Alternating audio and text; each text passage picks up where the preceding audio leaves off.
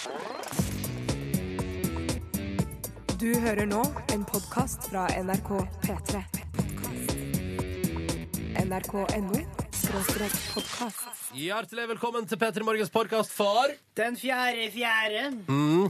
I dag skal du få hele podkasten med sending, og så skal du også få dagens bonusspor, ikke gårsdagens. Ja, Eller hva skal- sier du, Sigrid? Ja, og det skal man jo egentlig få hver dag. Hvordan eh, gikk det der Jeg, jeg, jeg, jeg tror jeg bare søkte på pod i råstoff, Ja. og så tok jeg den øversten, og så var det rett og slett feil. Men for det som var så rart, var jo at eh, det som, vi, eh, det som kommer nå helt først i podkasten, Ja. henger jo sammen med bonussporet. Ja, Og det var Og forskjellig? Den, nei, det, ja, det var, den første var jo riktig. Men så Den var første, var den første riktig i går? Ja, ja, ja. Det, er kjempe, det var veldig rart. det er eh, rart. I Har du, har, du, har du et prosjekt, Sigrid? Da sa jeg tredje fjerde. Nei, ja, du sa tredje, fjerde, og Kjetil Rekdal var gjest. Oh, ja, Og så bare eh, bare kom det feil bonusspor. Nei, du, jeg vet faktisk Sigrid. ikke. Jeg skal bare uh, ja, skjerpe meg litt. Ja, men ikke gå og henge kokain før jeg Nei, nei, nei, nei, nei, nei. Ikke gjør det. Og ikke gå og heng deg. Du kan sniffe Altså- lim, for vi har ikke kokain her. Men Nei, vi vi har, har ikke lim her, på, i uh, utstyrsrommet. Kan jeg, bare si, kan jeg bare si før jeg går videre med noe som helst? Ja. Sjokkaboller og burritos har glemt den i studio. Sjokolado! Ei halv plate, halv stor plate med melkesjokolade. Mm. Kan jeg få ei rute? Kan Ja, men da tar jeg meg først. Mens vi, da koser vi oss med litt sjokolade i studio her. Kan Mens vi hører på dagens podkast. kan jeg få lov til å erte opp en liten ting uh, som, at, som gjør at folk vil høre gjennom? For Ja, jeg kan få med knekke opp sjokoladeruter til oss imens. Jeg skulle egentlig si det på sending, men så kom jeg på at det rakk vi jo ikke. Eh, I dagens bonusspor skal du få høre ei kjempespennende og litt mystisk historie om mitt forhold til gummipropp. Gummipropp. Oi. Buttplug. Nei, Gummipropp, gummipropp, føles som en sang. Tar jeg sjokoladeplate? Tar tar jeg sjokoladerute, Ta en Yngve? sjokoladeplate, skulle jeg til å si. Altså, Du får det til å høres så deilig ut når du sier sjokoladerute, sånn Og så skal vi sitte her og kose oss med sjokolade mens vi hører på dagens podkastsending. Og da syns jeg at det skal du også gjøre. Da skulle ikke jeg få OK, hun bare tok pakken nå. Ja. Silje bare tok pakken. Ja, jeg skal ta hele, for du får den ikke tilbake. Å, herregud, det var godt. Ironi. Her kommer sendinga.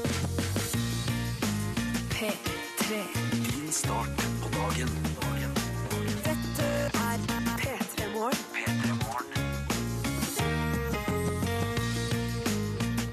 Den 4. april. Uh, noe som minner meg på at det må jeg huske. Kan dere minne meg på det rett før ni at jeg skal kjøpe billetter til Sigurd Ros? Ja, Oslo Spektrum. Uh, Utpå høsten en gang. Det gleder jeg meg til. ass. Blir det utsolgt sånn på tre minutter, sånn som andre ting? Jeg vet sannelig ikke. Altså, det er jo det man aldri vet. Og så tenker jeg sånn, bedre før var. Jeg tenkte jo for eksempel Eksempel fra meg. eh, da jeg skulle kjøpe billetter i mine litt yngre dager eh, til Det var da Coldplay var virkelig på topp. Og da Fix You og de, altså andre ble ute, og de skulle ut på turné. Og skulle spille i Oslo Spektrum. Og da tenkte jeg det blir ikke utsolgt med en gang, så jeg sov en time ekstra og sto klokka ti. Og da var det jo for lengst utsolgt. Ja. Men Ronny, Fix var ikke på andre albumet, det var på tredje albumet. Ja, stemmer det! Fordi på andre albumet var det jo den der In My Head og Ja, ja, ja, ja stemmer. Rush of Blood to the Head var nummer to. Ja, og så var det X and Y som var nummer tre. Ja, ja, ja. ja, Ja, ja, ja, ja, ja. Og så kom fjerde albumet med en tittel som var så rar at den har jeg ikke Det har jeg nesten ikke hørt på det albumet. Men uh, det vi var Nei, nei, det er femte, fordi før jeg kom Viva la vida, Ja, ja, ja, Death ja, to all his friends. Skal vi liste opp alle albumene Ja. til Coldplay? Ja, Er det derfor vi er her i dag? ja. Og så skal vi liste opp Sigurd Ross-album, som Ja. heter Og Kaffe, ja, sant, du, du hørte det stillheten på det første albumet? Eller var det første? Glem det! Ah, ja. God morgen. Velkommen til P3 Morgen. I dag så skal vi kose oss sammen med deg hvis du har lyst. Eh, Hyggelig at du er våken, og hyggelig at du er oppe og hører på oss. Og det er du altså, som du skjønner til stades her. Fast eh, som alltid. Jeg heter Ronny. Silje Nordnes er her. Yes. Yngve Ustadreit er her. Yes! Produsent Sigrid er her. Yes! Ja, hun er hun også. Ja da. Passer på oss. Uh, Syns du av og til det er litt dumt å ikke få prate på radioen, Sigrid? Nei, fordi jeg tror det er mye bedre at dere gjør det, enn at jeg gjør det. Jeg vet at det blir best, da. Du har så fin stemme. Å, takk. Men de som vil høre mer av Sigrid, kan jo laste ned podkasten vår. Mm. For der er Sigrid med på vår O store eksklusive bonusbord. Ja, Den finner du på Peter N og P3 Morgen. Hvis du vil høre hele sendinga fra for eksempel i går da, om igjen, med et bonusbord. Du skal få en liten bete fra da gårsdagens sending også straks. Vi har en liten godbete til deg. Først Green Day på NRK P3. P3. Fire minutter på halv sju med Swedish House Mafia, Don't You Worry Child. Og så kan vi jo gjette da om eh, De har jo hatt sin siste konsert nå, Swedish House Mafia, sammen. Og så skal de gå hver til sitt og gjøre sine egne prosjekt framover. Og da er spørsmålet Kjem de til å gjenforenes en eller annen gang? Vet du hva? Eh, det tror jeg de kommer til å gjøre. For å tjene penger. Med Ja. det eneste eh, fokus og grunn å tjene penger. Ja. Men kan, nå skal jeg prøve å lese litt på egen hånd, men de har jo fått bygd seg opp. Altså, Swedish House Mafia er jo fra før av tre karer som tjente mye penger før Swedish Ja, House Mafia også. Ja, men de har bygd seg opp et forbruk, vet du. Ja, de pengene tar slutt. Ja, ja. Ja. Det er sant. Det er, det, det er derfor jeg tror rockestjerner og musikkstjerner for øvrig kommer tilbake. Det er fordi, eh, og dette vet alle som har eh, gått fra f.eks. studielån Og da klarte jeg, jeg klarte meg en måned på studielånet, jeg. Så fikk jeg lønn, eh, sommervikarlønn, og det var helt sånn sjukt masse penger. Og så fikk jeg eh, vanlig fast tilsett lønn. Og da var det plutselig enda mer. Jeg tenkte så, herregud, hvordan skal jeg få brukt opp? Går, ja, det går altså så lett å bruke opp pengene. Ingen problem. Jeg har et forbruk som ikke ligner grisen i forhold til den inntekta jeg har. Jeg burde kunne klart å sette av litt penger til sparing. Får det ikke til. Men jeg leste at Metallica de eh, har eh, bygd seg opp et sånt forbruk, den gjengen der. At, og de har, altså, hei, altså den maskineriet ruller sånn nå at de kan ikke slutte å turnere. Er det sant? Ja, de må bare fortsette å spille de for å få hjulene til å gå rundt. Nei! Jo. Oi, oi, oi. Ja, da vet, du, da veit vi hvor Tenk, tenk den dagen de ikke kan spille lenger. Ja, det nei, da går. sliter jo Max, men da kanskje de må eh, Bytte gjøre noe. Jeg tror det, Metallica var et sånt band som på en måte har lagd såpass sterke album at uansett hva de gjør videre i livet sitt, så selger albumene såpass at de alltid har en grunninntekt der. Ja, vet, man skulle tro det. Jeg vet ikke. Men det kan ha noe med økonomien å gjøre at de er så sint på Napster og Ja. Spotify. Jeg vet ikke om de er sint på alle, de. De er sint på alle, de. Metallica er sinte på alle. Vi skal høre på et band som sikkert er sint på noen, de også, men dette her er jo en glad låt på et vis. My songs know what you did in the dark. Du hører på P3. Fallout Boy, My Songs Know What You Did In The Dark. God morgen og god torsdag ha, allerede.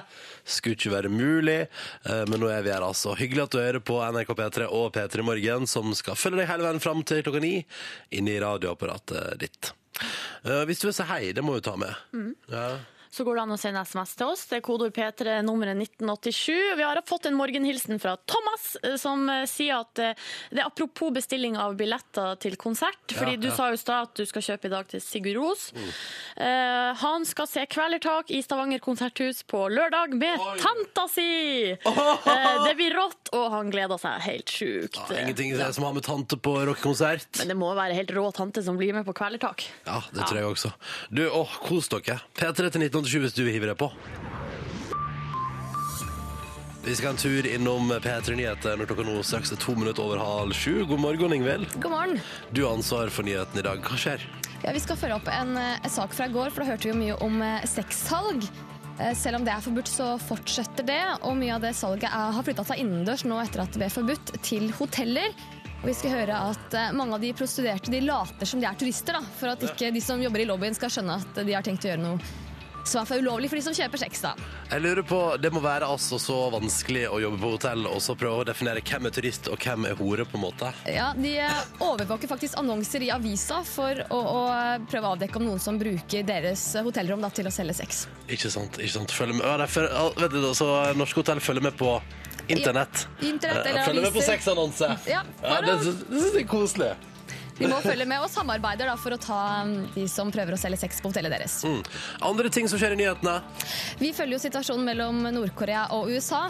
De er litt sånn annenhver på utspillene nå.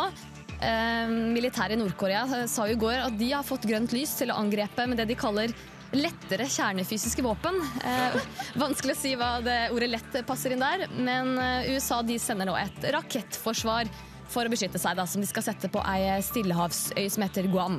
Åh, spenninga sti jeg føler at spenninga stiger der. Og er det som om to på en måte, klassekompiser liksom Det er litt sånn 'far min er kulere enn din', på et vis, bare i 2013-utgave og mellom to land. Og litt skumlere. Litt grann skumlere. Ja. Ingrid, du er på plass med P3 Nyheter klokka sju. Vi snakkes da. ja. Dette er dette er P3. Dette var Monté på NRK P3, seks minutter over halv sju, og låta som heter Faith. Riktig god morgen, da, du. Hei, oh, it's the Thursdays. Går det bra med deg, Silje? Eh, ja, eller eh, jeg vet ikke helt, fordi jeg har fått her på mail fra vår produsent Sigrid en eh, link til uh, seher.no med breaking news. Jeg klikka meg inn, ana fred og ingen fare, og der er saken. Vent, jeg må bare trykke meg inn på den, for jeg hadde lukka fana. Ja. Det var ikke så spennende. Paradise-paret har forlovet seg. Det er et par fra årets sesong. Christian René og Tina har forlova seg, står det her. Det sånn, eh, de har sånn eh, eh, merka artikkel med 'Se og Hør avslører'. Det er ikke sant. Det står det her, Um, men uh, det er jo sånn at ingen Det er venner av paret da, som bekrefter det her til Se og Hør, men paret sjøl ønsker ikke å si noe om det. Og vet du hva, jeg tenker, brått tenkte jeg det. Kanskje det er 1. aprilspøk uh, med litt sånn hale på. Ja, at, at de var tøysete på Facebook på Ja. 1. april og bare sånn 'Vi har forlova oss!' og så har noen venner bare Ja, tipstelefon til seg For let's de er jo ikke i lag nå inne på hotellet. Da må de ha blitt i lag i ettertid, da, visstnok. Ja, Ikke sant? Og så bare funnet liksom den stormforelskelsen inne på fjernsynsruta der. Ja. Og bare sånn 'Herregud, vi må dele resten av livet vårt med hverandre'. Ja, ikke sant? Husker du da? Og det er gøy i bryllupet, så det er litt sånn, så reiser folk seg opp for å tale og så Husker du, husker du da vi så alle sammen? Alle i Norge så Christian René og, og Tina ha, har sex for første gang på TV. Eh, Husker du da vi, vi så det første kysset der? Det var etter en parseremoni på den våte festen etterpå. Ja, det, det er ikke akkurat romantisk. Nei. Nei. Åh, husker du da? Det sin første ah, skjønner du at alt eh, Jeg er veldig spent på å følge med på Paradise Hotel videre nå, Ja. for å se om vi får ta del Ja, det, i starten av et nytt Nei, forhold. det står i artikkelen at de ikke ble i lag før etter de var ferdig på hotellet. Ja.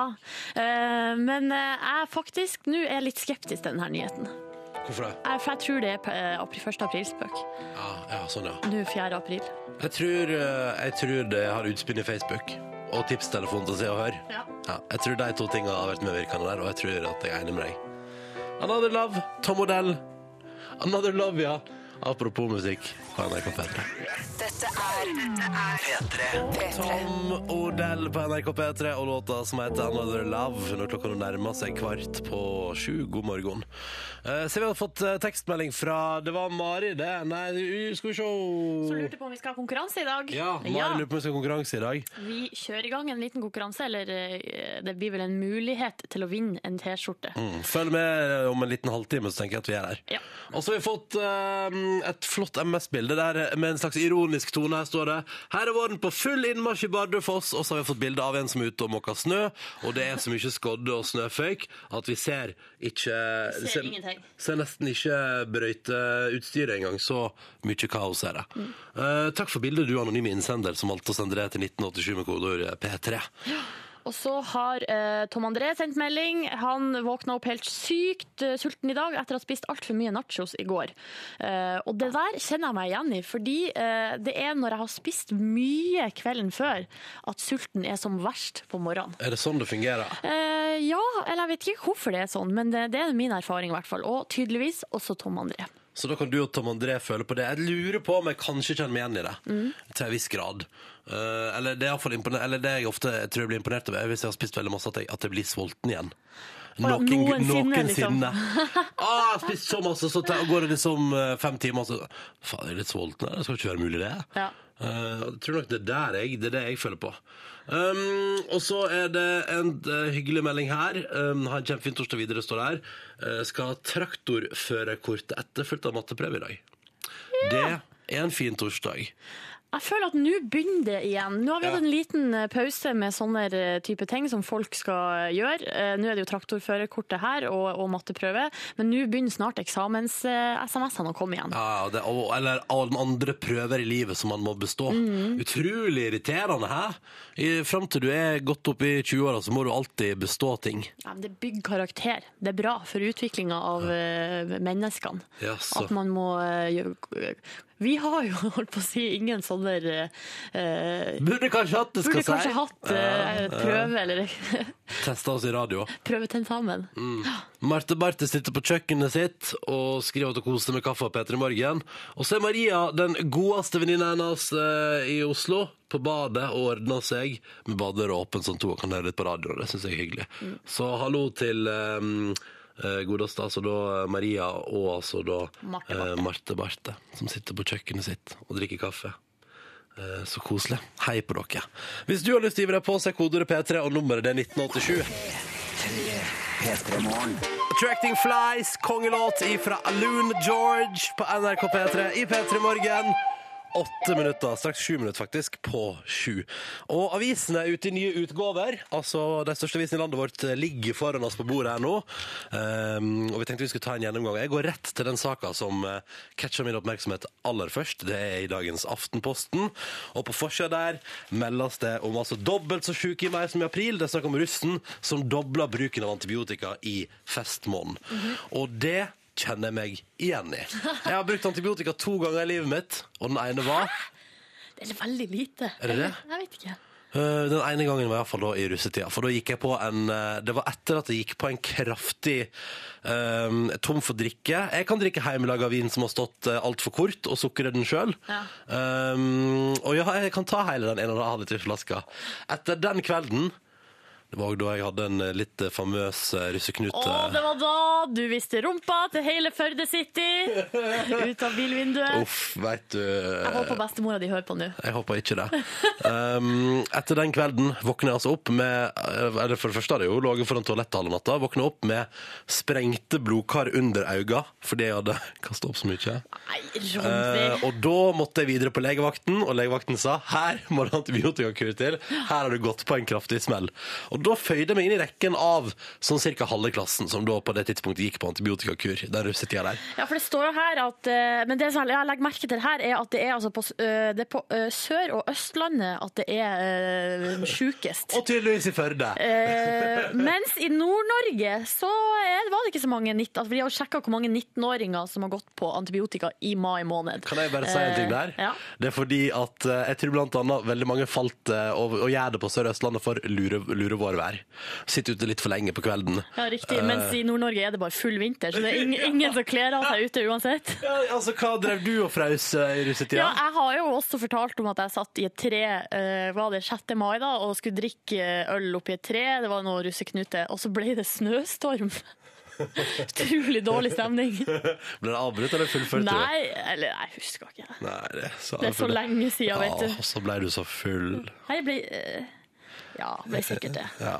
Så det er nå i hvert fall en sak på av Aftenposten. Kan jeg bare si til russen nå, da, før vi begynner på galskapen Vær litt Eller jeg skal ikke være forsiktig, men ta vare på de folka som er rundt deg, og så ha, ha det hyggelig, OK? Okay. Ja. Antibiotika er døvt. Ja, altså, du, en annen ting med den saken her er jo at én av ti 19-åringer ja, går på antibiotika i mai måned. Og det har jo nettopp vært eh, en sak om at eh, det utvikla seg jo sånne, sånne resistente bakterier som antibiotikaene ikke tar.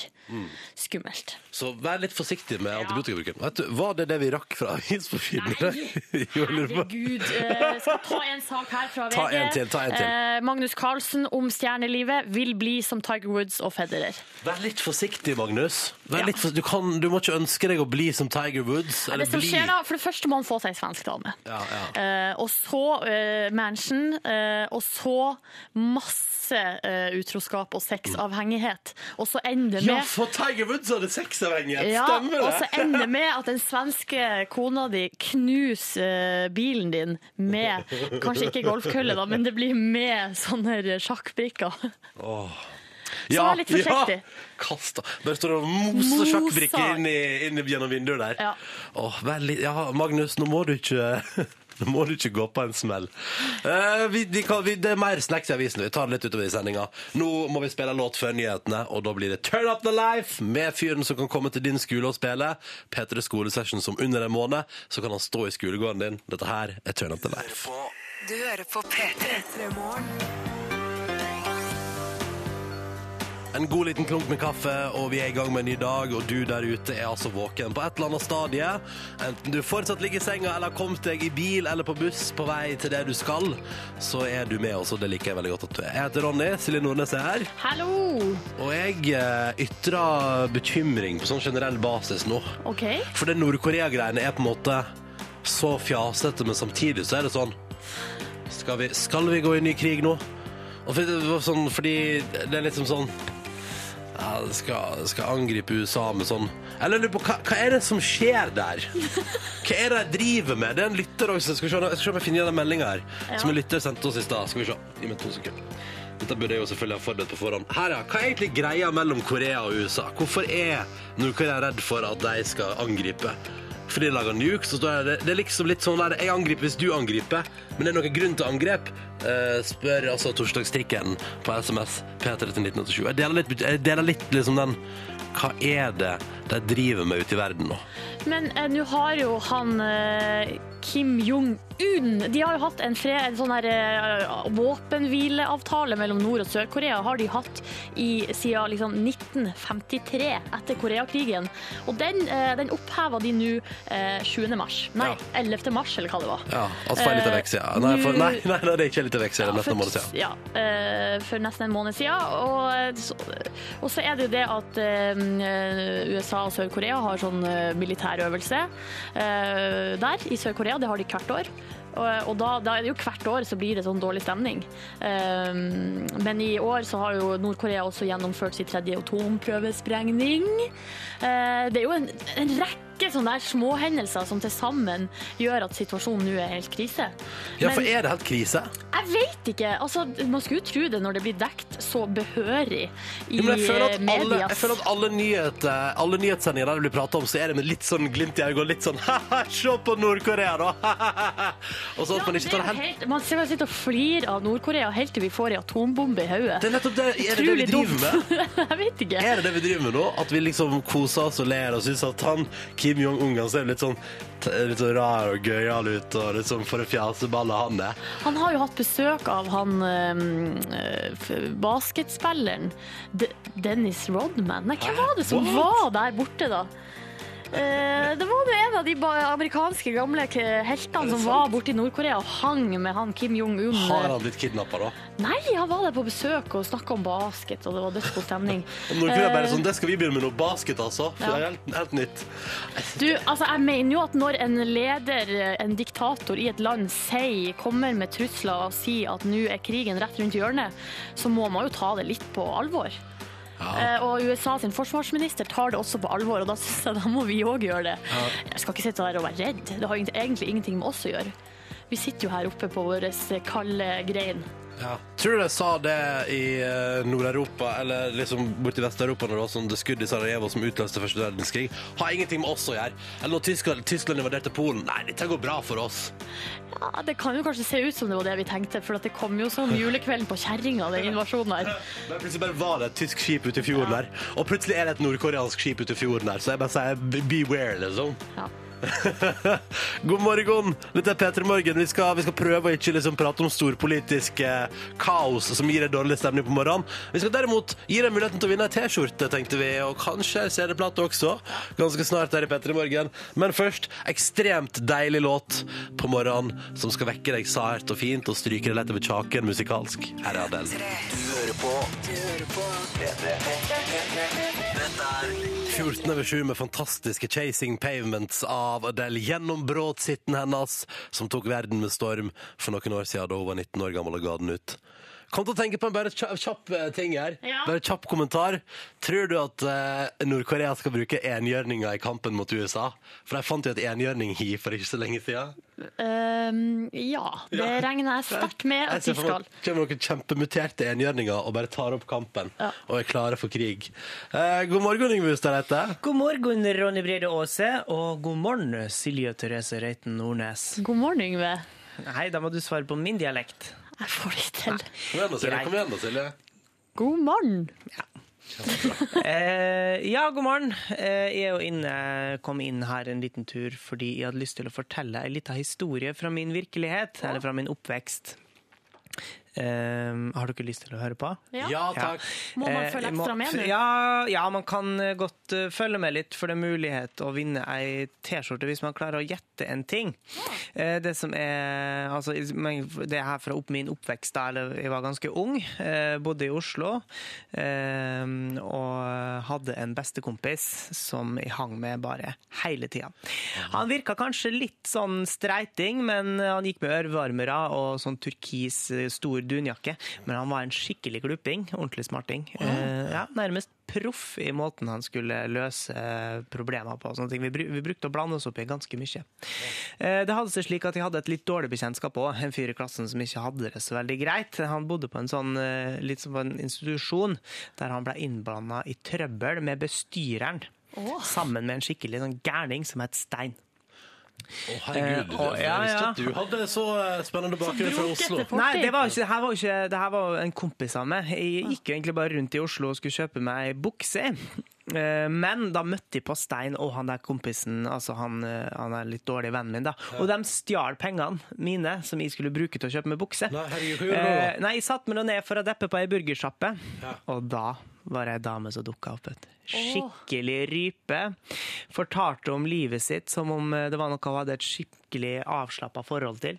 Hun skulle hjelpe meg med å få tak i ei bukse. ikke sant? Så Hadde vi- permanent? vi- Ja, eller hun hadde krøller, liksom. Jeg vet ikke om hun hadde permanent, akkurat. Eh, røyka sigg. Eh, nei, gul. Lys, eller sånn okergul eh, jakke. Når årsmessig vil du si at dette var? Hvor tid, eh, Rundt ja, 89, kanskje. Ja, riktig, Ja. riktig. Eh, Men dette her virker, viste jo å være for godt til å være sant. Denne fine dama hun var, som var skikkelig keen på meg, hun var blanda opp i ei ordentlig suppe av nark og prostitusjon. Nei, og jeg vet da faen. meg. Og på toppen av det her satt bestyreren i denne barnevernsinstitusjonen eh, som Stein og han er dårlig kompisen min hadde gått på. Og de ringte han og konfronterte han med dette her prostitusjonsgreia og pressa han. Og han bestyreren han hadde en assistent eh, som han bare ba om å sette på rekorderen. For han skulle ta opp det de sa. Så han sa sånn Sett på rekorderen! Sett på rekorderen! Jøss, du fikk høre opptaket? Ja, ja, jeg fikk gjenfortalt det her. Jeg satt jo sammen med dem når de ringte. ikke sant? Eh, og seinere på kvelden, da vi skulle prøve å redde damer, for vi fant ut hvor hun var hen, i og bestekompisen min, han der proffe fyren, fra han der bestyreren, eh, så begynte vi å slåss, vet du. Og vi kunne ikke slåss, for vi var bare 15 år gamle. Ja. Men heldigvis så hadde vi en drosjesjåfør som kunne karate, som redda oss, som sa sånn Disse gutta er mine kunder! For en sjuk historie! Ja, Hvilket år er du født i igjen, Yngve? 83. Så, og så var du 15 i 1989. OK, da. Det her var bare rein løgn, og handlinga er henta fra filmen 'Døden på Oslo S'. Når du gjenforteller det nå, så føler jeg at det, jeg, gikk, jeg gikk glipp av så mange referanser da jeg så den filmen som Ja, ung. ja, ja. Som veldig liten. Men du fikk med deg Lena og Proffen. Ja.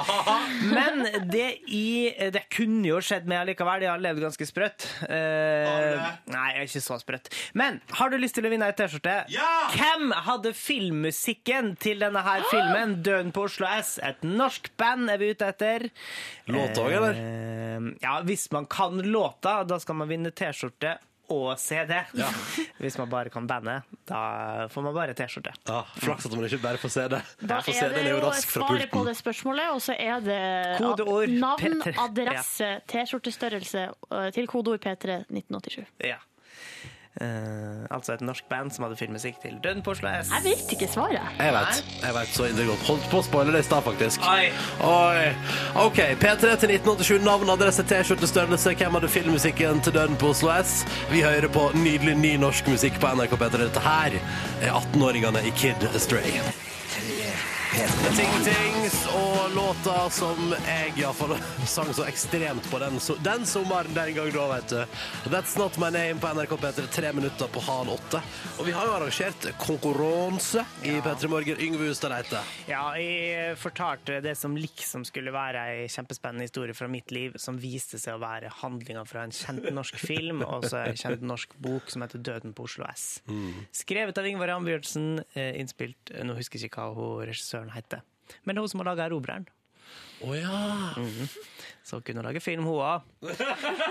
Eh, vi har fått inn veldig mange forskjellige forslag. Både The Lillos, CC Cowboys og Raga Rockers. Det er ingen av dem som var riktig. Eh, den riktige Vi kan egentlig bare høre en liten de, strofe er det de fire store? Er eh, Raga Rockers, The Lillos, CC Cowboys, og så mangler det ett band? Ja, det siste det være det? her. Ja, det var snakk om DumDum Boys. Eller Dumme, dumme gutter, som man skulle sagt hvis man var voksen på 80- og sammen. Ta deg 90-tallet. Hvis man var voksen på 80- og 90-tallet. Um, og nå hø- hørte jeg for første gang hva de faktisk synger i begynnelsen her. Bor det noen i osten på himmelen? Det gjør det jo. Det bor en dude der, gjør ikke det? Ja, det er jo i hvert fall et ansikt der, da. Eh, DumDum Boys Englefjes var uh, riktig svar på filmmusikken. Ja, men åh, det var kommet så veldig mange, så nå har jeg selvfølgelig klart å miste. Skrolleproblem. Skrolleproblem. Skrolleproblem. Ja da! Vi har Elisabeth fra Trondheim som uh, svarte. Eh, og det var helt riktig, det. Eh, Nå ser jeg jo forresten at hun ikke hadde med eh, navnet på sangen. Da blir det ikke Eh, CD til hun, da. Da blir det T-skjorte til hun. Ja, ingen Og så eh, får heller eh, Skriv ikke en CD òg? Ja, jeg må det. Jeg må det. Eh, det var en som het Kjartan som hadde sendt inn, og han hadde helt rett. Både tittel og eh, og T-skjorte. Nå mista jeg fullstendig oversikt. Hva får Kjartan? Han får T-skjorte og En CD. Og så får Elisabeth kun en T-skjorte. band- bandnavn og navn på sangen. Flaks vi har fått nye til Marion Raven på kontoret. Du kan sikkert sende den. Ja, det kan jeg, det skal jeg sende til Fått gode kritikker. Ja, altså, Jeg gleder meg til å høre på den. Jeg gleder meg til å høre på den. All right, dere. Takk for konkurranse, Yngve Hustad Reite. Bare hyggelig. Ja, Nydelig, nydelige greier. Du hører på P3. Dette var Susanne Sundfør og White Foxes på NRK P3 når klokka nå er blitt seks minutter over halv åtte. Hei, og god morgen, det er torsdag. Eh, Jeg som heter Ronny, står i ei hvit T-skjorte. Med, det er restene nå. Jeg må vaske klær, og da har jeg tatt uh, stor- Er det Transformers, det er eller hva er det for noe? Transformer-aktig robot i by. Jeg bare syns den så kul ut, men jeg kan fortelle at etter fire vask så var den ikke liksom så fargesprakende og awesome lenger. Mm. Jeg har begynt, jeg har kommet til et stadie der innimellom nå, så tenker jeg sånn slags T-skjorte er det jeg driver og går med? Å ja, det, det er nesten en slags identitetskrise. Jeg vet ikke om jeg er på vei inn i en slags identitetskrise, altså. Men har du lyst til å gå over til en litt mer nøytral klesstil? Bare- Skjorte og blazer? Nei, nei, no. Nå rekker Yngve å komme og rekke opp handa her. Ja, for det, Ronny, jeg, kom, jeg faktisk tenkte på T-skjortene dine i helga. Satt Du hjemme og grubler. Eh, nei, jeg sto hjemme og skrapa på en vegg, og så begynte jeg å tenke på eh, Fordi du har jo den der Friday I'm in Love-T-skjorta. Ja. Og da, så kom vi på den Monster-T-skjorta di òg. Fordi at du har jo litt sånn Du har ikke humor-T-skjorte-image, Nei, eh, sånn som enkelte andre, men eh, du har en litt sånn artig T-skjorte-image. Ja, ja. Eh, og det får du jo masse skryt av. Altså, tenk, jeg har For? tenkt liksom, For. For. Ja. Av for. Eh, og, så du må jo ikke slutte med det. Jeg vil bare si det. Takk. Så Du må hyggelig. kanskje kan det, men det må, bestille nye, hvis det er det. jeg vet hva, jeg lurer på om jeg skal bestille meg noen nye artsy T-skjorter. Ja, Hæ? Det skal jeg gjøre. Ja. Ja. Takk, Yngve. Bare hyggelig. Jeg bare måtte, ble litt bekymra. Nei, det, nei, det er ikke det, Altså, det er bare identitetskrise i form av at eh, For eksempel, da duk, liksom dukker opp sånn eh, Hvis jeg dukker opp i den T-skjorta jeg går med nå, du kan se bilde av den på Facebook-sida vår. Ja. Det er en voksen mann i T-skjorte med robot på. Ja, eh, Og hvis jeg skulle dukke opp på en fest, og så viser det seg at den festen at alle andre har på seg Robot-T-skjorte. Nei, nei, nei, alle andre har på seg flanell eller andre typer skjorte og ser litt sånn, og har litt sånn fiksa håret og sånn, så kommer jeg uflidd på håret med robot-T-skjorte, så tenker folk eh, åh, han fyren der. Så tenker Ja, jeg men vi er jo ikke på fest nå! Nå Nei, er det klokka åtte minutter over halv åtte. Da, og det er en vanlig torsdag, da man kan få lov til å ha på seg hva man vil. Kan jeg bare si at nå skal jeg resonnere meg fram til at da sier jeg på festen sånn at han der heter iallfall ikke fisk, og han der er noen usunn sjel. Går i roboter, og innser at alt stemmer! Alt stemmer på et vis! Alle de fordommene stemmer, da. Ja. Jeg bare kommer folk i forkjøpet hvis de skal kommentere på T-skjorta til Ronny på Facebook-bildet vårt. Så det er ikke ei Transformers-robot Nei, jeg sa det på tull! Ja, OK. Ja, Ja, bra. jeg sa det på tull. Jeg vet at Transformers egentlig er biler. Ser helt annerledes ut. Ikke bare biler, det kan være fly, det kan være hva som helst. Silje. Ja, ok da. Straks røyalt ned til Petter Morgen. Først U2, 'Beautiful Day'. Du hører på P3. Dette er U2 på NRK P3, 12 minutter over halv åtte. Dette der var nydelige 'Beautiful Day' i P3 Morgen. Som straks også spiller mer god musikk for deg. Carpe Diem og deres nydelige 'Spis din syvende sans' er på vei. Og det samme 'Never Let Me Go' med Florence and the Machine. Men akkurat nå, på NRK P3, rojalt nytt! Nytt om kongelege ved Silje Therese Reiten Nordnes. Skal ikke skje noe nå? Jo, jeg venta på at det skulle komme lyd. OK! Velkommen til Kongelig nytt med uh, P3 Morgens egen hoffreporter Silje Therese Reiten Nordnes. Det er meg. Eh, nu, Kan ikke du ha det som fast catchphrase når du har Kongelig nytt? At du sier navnet ditt, og så sier du 'det er meg'. OK, det kan jeg godt få til. Det skal handle om eh, prinsesse Madeleine og eh, hennes eh, forlovede Chris O'Neill, som nå har valgt en kokk til eh, bryllupet sitt. Det er eh, Stefano Catanacci. Eh, Catanacci. Han er eh, Italiensk. han er italiensk og hovedtraktør og kjøkkensjef, eh, på Opera kjelleren. Operakjelleren i Stockholm, antagelig. Da blir det vel italiensk mat i bryllupet, da? Ja. Men det som er på en måte hovedsaken i denne saken, som jeg har kommet over på Se og Hør sine nettsider, er at da svensk TV4 skulle fortelle om denne hendelsen, altså at de hadde fått en ny kokk som heter Stefano, så eh, had, har de eh, sånn splitt-skjerm ikke sant, på TV under nyhets... Du viser to bilder samtidig. Ja. Der, det er bilde av Stefano Catanacci eh, på den ene sida, og så på den andre sida så er det altså da forlovelsesbildet til Madeleine og eksen Jonas, Jonas Bergstrøm. Nei, det er ikke sant! Det er ikke sant!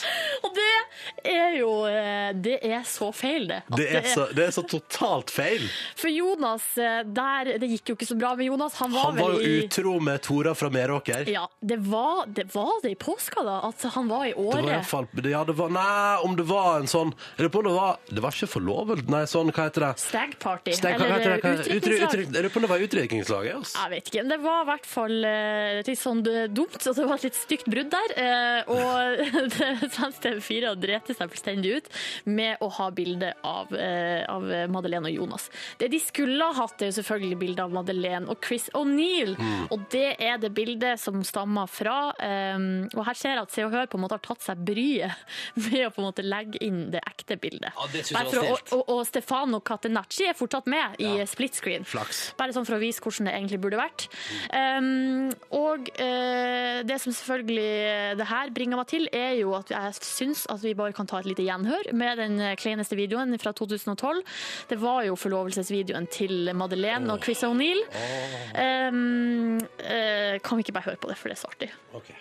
Jag glömmer min svenska, men det er svårt. Vi kan även berätta at et bröllop kommer ske i sommar, vilket vi ser väldigt mycket fram emot. Ta den tihien en gang til, da. Madeleine hun er så glad fordi at hun har fått Chris O'Neill. Og så Ja. må vi, må vi jo glemme eh, Jonas, da. Ja, han, eh, Ja. han hadde en faddes i året der. Ja, vi er ferdig med Jonas! Vi er ferdig med Jonas. Nå er det bare Chris som gjelder. Men kan jeg bare si, TV4 i Sverige, du legger ikke inn feil forlovelsesbilde ved en feil. Jeg tror det er humor, jeg, ass. Tror du det? Jeg tror det er humor fra deres side. På nyhetssendinga? Ja, ja, ja. Det høres litt rart ut, men jeg tror det er humor. Okay. For det er såpass grov feil. Kvart på åtte. Vi spiller riktig musikk, ikke noe feil her. Dette er akkurat det som du skal få akkurat nå. Fra Carpe Diem-albumet Kors på halsen, Ti kniver i hjertet, Mor og far i døden. Det er fantastiske album der. Vinneren av popprisen under Spellemann. Dette her er Spis din syvende sans i P3 Morgen. Du hører på P3. Florence and the Machine, Never Let Me Go på NRK P3. Snart fem minutter på åtte. God morgen. Hyggelig at du hører på. Håper det står bra til med deg som er våken ute i det ganske land. Og også til dere som hører på oss utenfor landegrensene. Kos, kos, kos. Send gjerne e-post og fortell om det. p3morgen.nrk.no. Um, Silje Nordnes. Ja, Ronny? Yngve Hustad Reite. Ja, Ronny? I går så fant jo dere det for godt å ta opp på radioen et, eh, et privat ja, ikke, et veddemål, men et løfte jeg hadde. Ja. eh, om der jeg går inn, planlegger å gå inn i en slags livsstil. En liten, minimal livsstilsendring Ja. som går ut på at jeg ikke drikker brus på ukedager. bare lørdag og søndag. Og at jeg eh, må spise fiskemiddag en gang i veka. Hvem har du lovt dette her til? En som står han nær. En som står meg nær. Mm. Og I går hadde jo jeg en middagsavtale. Ja. Eh, skulle ut med P3-kollega Stian Eliassen. Ja. Eh, ikke i slekt med bandet, nei. Eh, og skulle spise Egentlig hadde vi hatt å spise noen deilige hamburgere der. Ja. Eh, men så tenkte jeg at jeg kan- kunne prøve å snike inn et fiskemåltid der. da Gå ut i Oslos gater og spise noe fisk. Um, og så var jeg, altså, så, når vi skulle spise middag, da så var jeg altså så sulten. Hadde vært lenge på jobb og var skikkelig klar for middag. Så da tenkte jeg sånn, skal vi bare droppe den den restauranten vi planla å gå på for å spise fisk, og så bare går vi inn Det er noen deilige burgere nede i gata her. Nå er jeg veldig spent, for at jeg har Du senker stemmen. jeg har sett noen bilder på Instagram eh, som jeg lurer på hva eh, betyr. Ja. Fortell hva som skjedde. I går spiste jeg kveite! Og da er det ikke i Odin Jensenius forstand. Eh, altså kveite som betyr jente. Nei. Yngve. Yngve, jeg spiste fisken kveite. Stekt, type stekt. Ja, ja, det var noe ja. pesto til. Deilig risotto. Var det Jeg- godt? Det var dritgodt. Oi! Så bra der, Ronny. Brakk meg ikke en eneste gang. Hvem skulle trodd? Gratulerer. Men lurte du oss bare nå? For at du, du, vi, du trodde at vi skulle tro at du hadde gått på en, eh, en smell? Ja, for det er jo det som hadde vært nærliggende å tenke, hadde det ikke det? Jo, eh, det jeg var redd for at du skulle si nå, var at du var så tørst, og så klarte du ikke å la være å ta en brus. Nei, nei, det gikk helt fint. Det går helt fint, fordi jeg har ikke noen restriksjoner på øl. Nei. Så Ok. det fikk jeg tulla i meg litt av i går, da, vet Men du, så flink, altså Hvis du får problemer nå med fiskespisinga di, så kan du bare gå på den samme restauranten eh, hver en gang i uka i fire måneder. Ja, eneste problemet er at det, det, det er såkalt dagens fisk, så det kan variere. Og jeg var klar, jeg, var klar, jeg hadde backup-plan. Hvis dagens fisk sugde, så var det rett over på dagens kjøtt. Men, Ja, det, sant. men det var lam, og det er ikke jeg så glad i, faktisk. Så det gikk veldig greit. Ok. Da ble det kveite, da ble jeg så lykkelig, og det funka. Men du vil si at kveite er en slags sånn kjøttfisk, da? Eller var det sånn fastere enn det Ja, du er sånn kjøttfisk, ja. ja, ja, ja. Men så foreløpig så går utfordringa lett som en lek for deg. Foreløpig går det greit. Ja. Men du, Hadde så lyst på Pepsi Max her om dagen. det jeg ble bekymra for når jeg så det bildet du la ut på Instagram i går, var at du nå begynner å drikke tett eh, fordi at du ikke kan drikke brus. Altså at Ja. du drikker øl, da. Ja. Det kan skje, faktisk. Ja, Det er den eh, kullsyretrangen Altså, det kan være at denne brusutfordringa er det som gjør at jeg begynner å drikke alene. Men vi får se. Nei, nei, nei, nei. Apropos drikke alene, her er Frank Turner frem mot nyhetene, og fantastiske recovery. Den låta er awesome! Åtte over åtte med Muse og Supremacy, ei såkalt energibombe av en låt. God morgen, du hører på P3.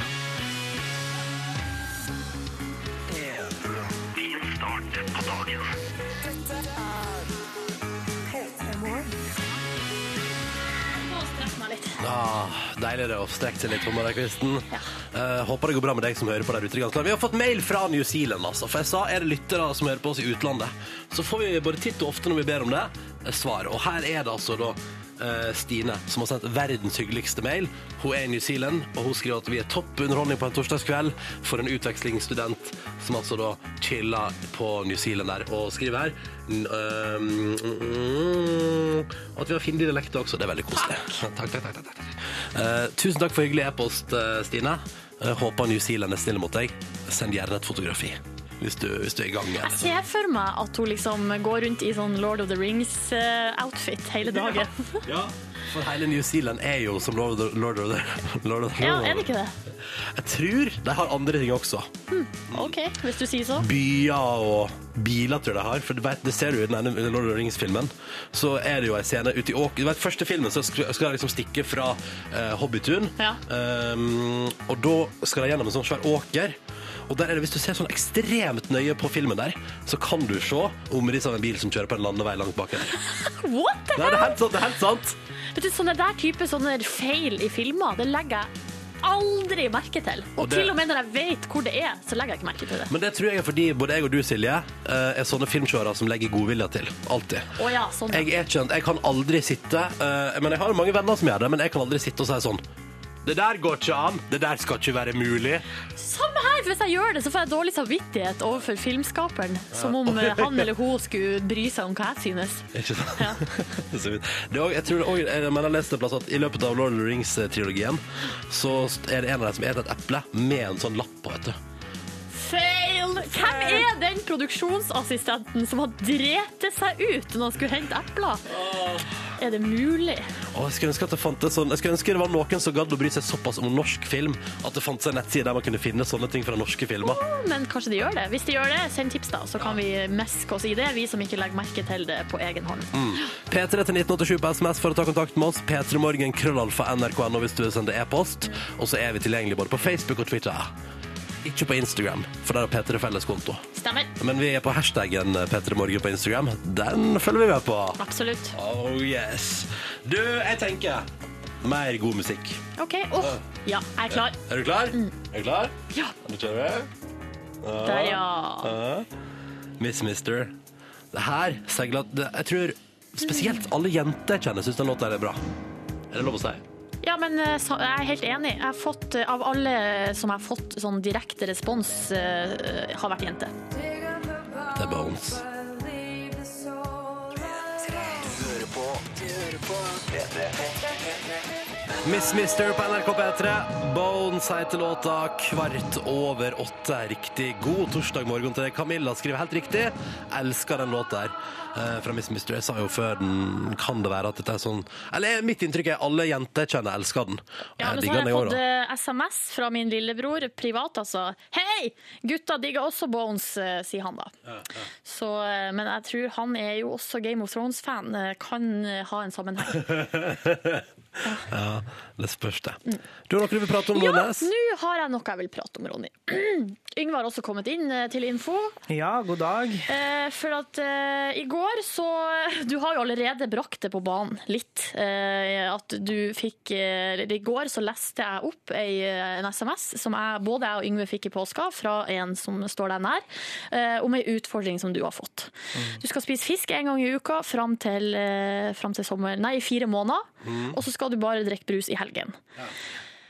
og da vi eh, leste opp det her, så reagerte du sånn her.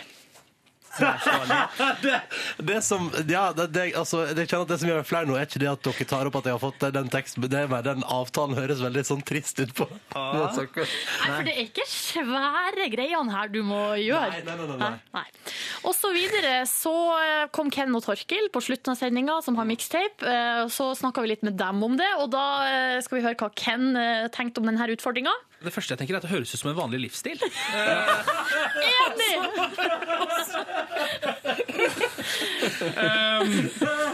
Ja, eh, jeg vet ikke, Ronny. Hvis jeg tolka deg riktig, så eh, Og du var veldig fornøyd i dag med at du hadde klart å spise fisk. Ja, takk Ja. Gud for det! Så eh, bortsett fra at du har litt problemer med Pepsi Max-avhengigheten din, så går det ganske greit. Eh, ja. Men, men du, Ronny, du har, meldt, du har, du har venta av å drikke vanlig cola først, og så ble du avhengig av Pepsi Max?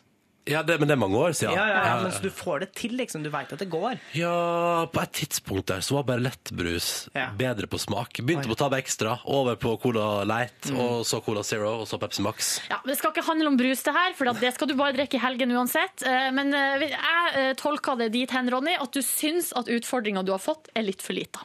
Så da Jo, nå høyner vi intensiteten litt her. Eh, Jeg og Yngve rett og slett har tenkt nå å starte Ronnys lavterskel livsstilsendring. Det skal gå fram mot sommeren.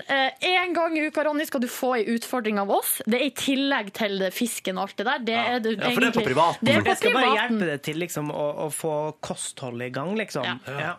Men vi tenker at vi skal se, tar, tar det litt større. Sånn at første utfordring nå eh, er for å sjekke litt Skal jeg, få, grunnlaget. skal jeg få en utfordring nå? Du skal få en utfordring nå, ja, som du skal gjennomføre før eh, neste si neste onsdag. onsdag. ja. Eh, det er for å sjekke litt eh, ut, hva hva heter det, grunnlaget. Ja. Du skal sprenge 3000 meter og ta tida. Og ta tida ja. Ja, selvfølgelig. 3000 meter er ikke så veldig langt, Ronny. Vi sto og snakka om det. Eh, Men for å si det sånn, sist jeg gjorde det på eh, ungdomsskolen, eller hvor tid det var, så var ikke jeg, for å si det sånn, førstemann i mål. Jeg var vel sistemann i mål i hele klassen Men det gjør faktisk. ingenting. Det er Du skal da ikke springe om kapp med noen. Nei. Nei Så da eh, blir det Får vi høre hvordan det gikk neste onsdag. 3000 meter? Ja. Åh, faen. Du er klar for det, Ronny? Du har egentlig ikke noe valg. Vi skal finne ut et sted, en plass der det går an å springe 3000 meter som kan være litt morsom. Altså at du slipper å stå og pese på Altså, på tredemølle, for det er så kjedelig. liksom. Nei, men liksom kanskje Ikke send det på sirkus! Jo, manesjen. Du må springe 3000 meter i manesjen på sirkus. Mens Trekk det tilbake. barn- tilbake. Nei, men kanskje På på, en litt kul stadion. stadion, eller eh, kanskje ei løype rundt Sognsvann, eller litt sånn forskjellig, da. Hvis jeg skal ta tida, så må jeg vel springe på bane? Må ikke springe på bane så lenge du ta vet tida. at det er tre kilometer. Skal du ta tida? Jeg skal ta tida. Tre kilometer er ikke langt, Ronny. Nei da, det er ikke langt. Vi skal sjekke Det er sikkert like lenge siden jeg jogga, så jeg spiste fisk. eh, Men du kan gå, da. Hvis, altså, det er det som er at vi skal sjekke grunnlaget. Hvor lang tid jeg bruker på 3000 Ja. meter? Er du klar? Jeg er Du klar. klarer å springe 3000 meter på ei uke. Ja, det, det skal gå bra. Ah, OK. Vi eh, går fra det til bra låt. Her er Arcade Fire. Dette er Hun er 15 år, fra Sverige, heter Sara Larsson og høres ut som en ung Rihanna.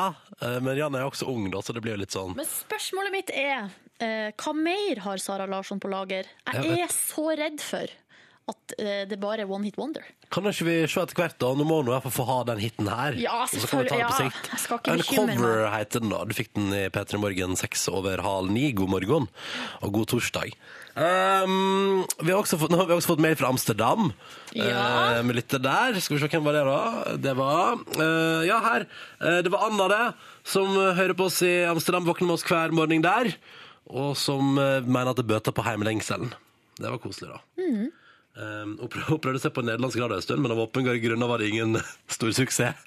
Hva da? De prater jo så Det er så lett å Jeg forstå. syns at nederlandsk er så fint. For at jeg, da jeg var litt yngre, så så jeg på barne-TV om en gutt som heter Meis. Som hadde Meis! Meis! Eller han heter Meis. da. Meis? Meis. Eh, og han snakka så fint. Så siden da har jeg alltid likt Hadde han en sekk eh, som var, var forma som en, eh, som en marihøne. Alltid hatt så lyst på sånn sekk. Å, kanskje marihønesekk. Ja. Å, jeg ønsker deg til bursdagen. Apropos marihøne, det her er noe helt annet. Men leiligheten vår er altså plassert i oppi en marihønekoloni. Oi. Eller motsatt. Marihønekolonien har slått seg ned i leiligheten vår. Hva har du gjort for å trekke til ei marihøne? Jeg vet ikke, men når vi åpner vinduene, så kommer det marihøne inn. Hele tida? Kunne vært verre. Det kunne jo vært liksom kakerlakker. men- Edderkopper? Ja. Men det er altså små, søte marihøner i, i vinduspostene våre. Ah, for du har, ikke, du har ikke bodd der en sommer ennå? Nei. Åh, det blir spennende å se hva annet som kommer snikende inn i leiligheten i løpet av sommeren. Ikke si det. Ja, Lita slange. Jeg er så redd for veggdyr. Av og til så sjekker jeg.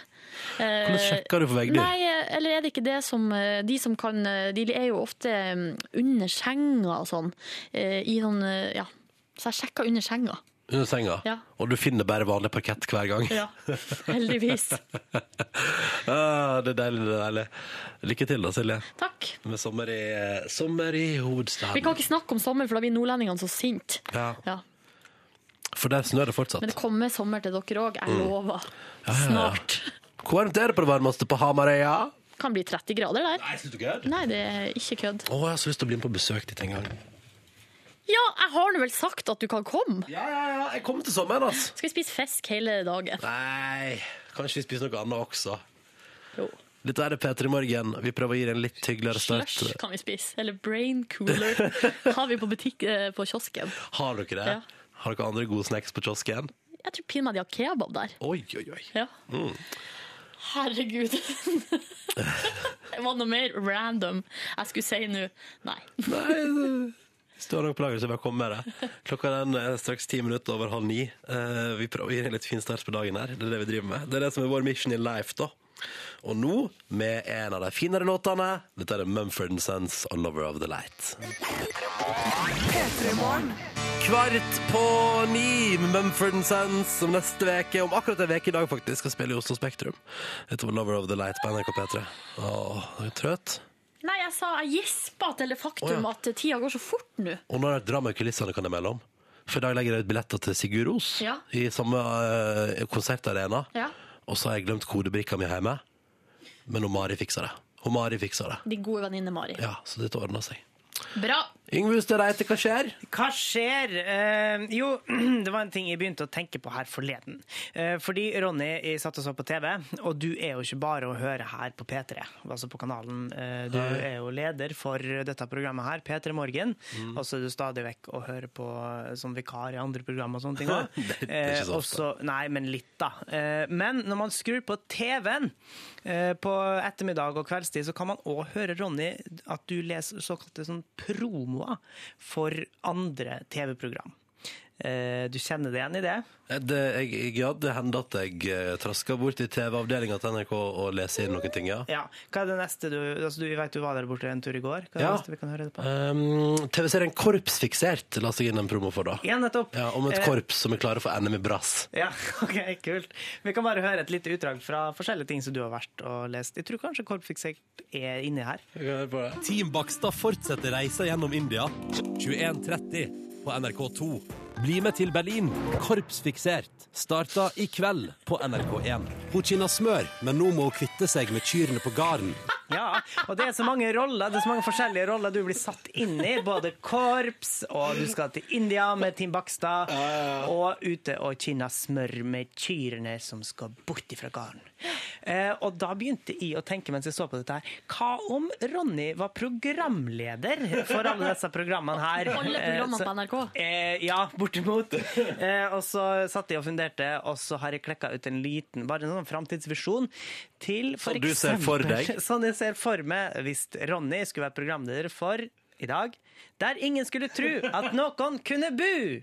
I dagens Der ingen skulle tro at noen kunne bo bonanza, skal vi reise langt og vitja ei awesome dame som bor på ei øy ute i Oslofjordolini. Og hvorfor vil du bo her ute da, gamle dame?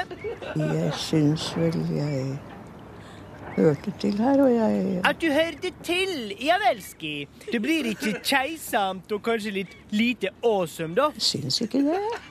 Tenker ikke på det. Ikke keisamt, sier du. Hva gjør du for å få på noe chill good time-stemning, da? Jeg Har jo telefon, og jeg har jo Å, telefon! Er det noe spill på han? Er det noen lollefunksjoner? alarm. Å ja. Ja ja, Ellison, da. Har du noen gode venner på besøk? Nei, jeg har jo en nevø som er her både titt og ofte. Du sa titt! Så har jeg hjemmehjelp hver 14 dag. Til Orama. Men hva gjør du med forsyninger her ute, da? Vattenolini til dømes? Fryser ikke vannet på vintrene? I fjor var det jo også borte, men da var det jo mye snø å ta av, så da smelta jo snø, og, og så har jo Bjørn henta vann, da. Han henta jo Hva? En bjørn som henter vann? Nei, nå må jeg Lol, lol, lol, lol, lol, lol, lol.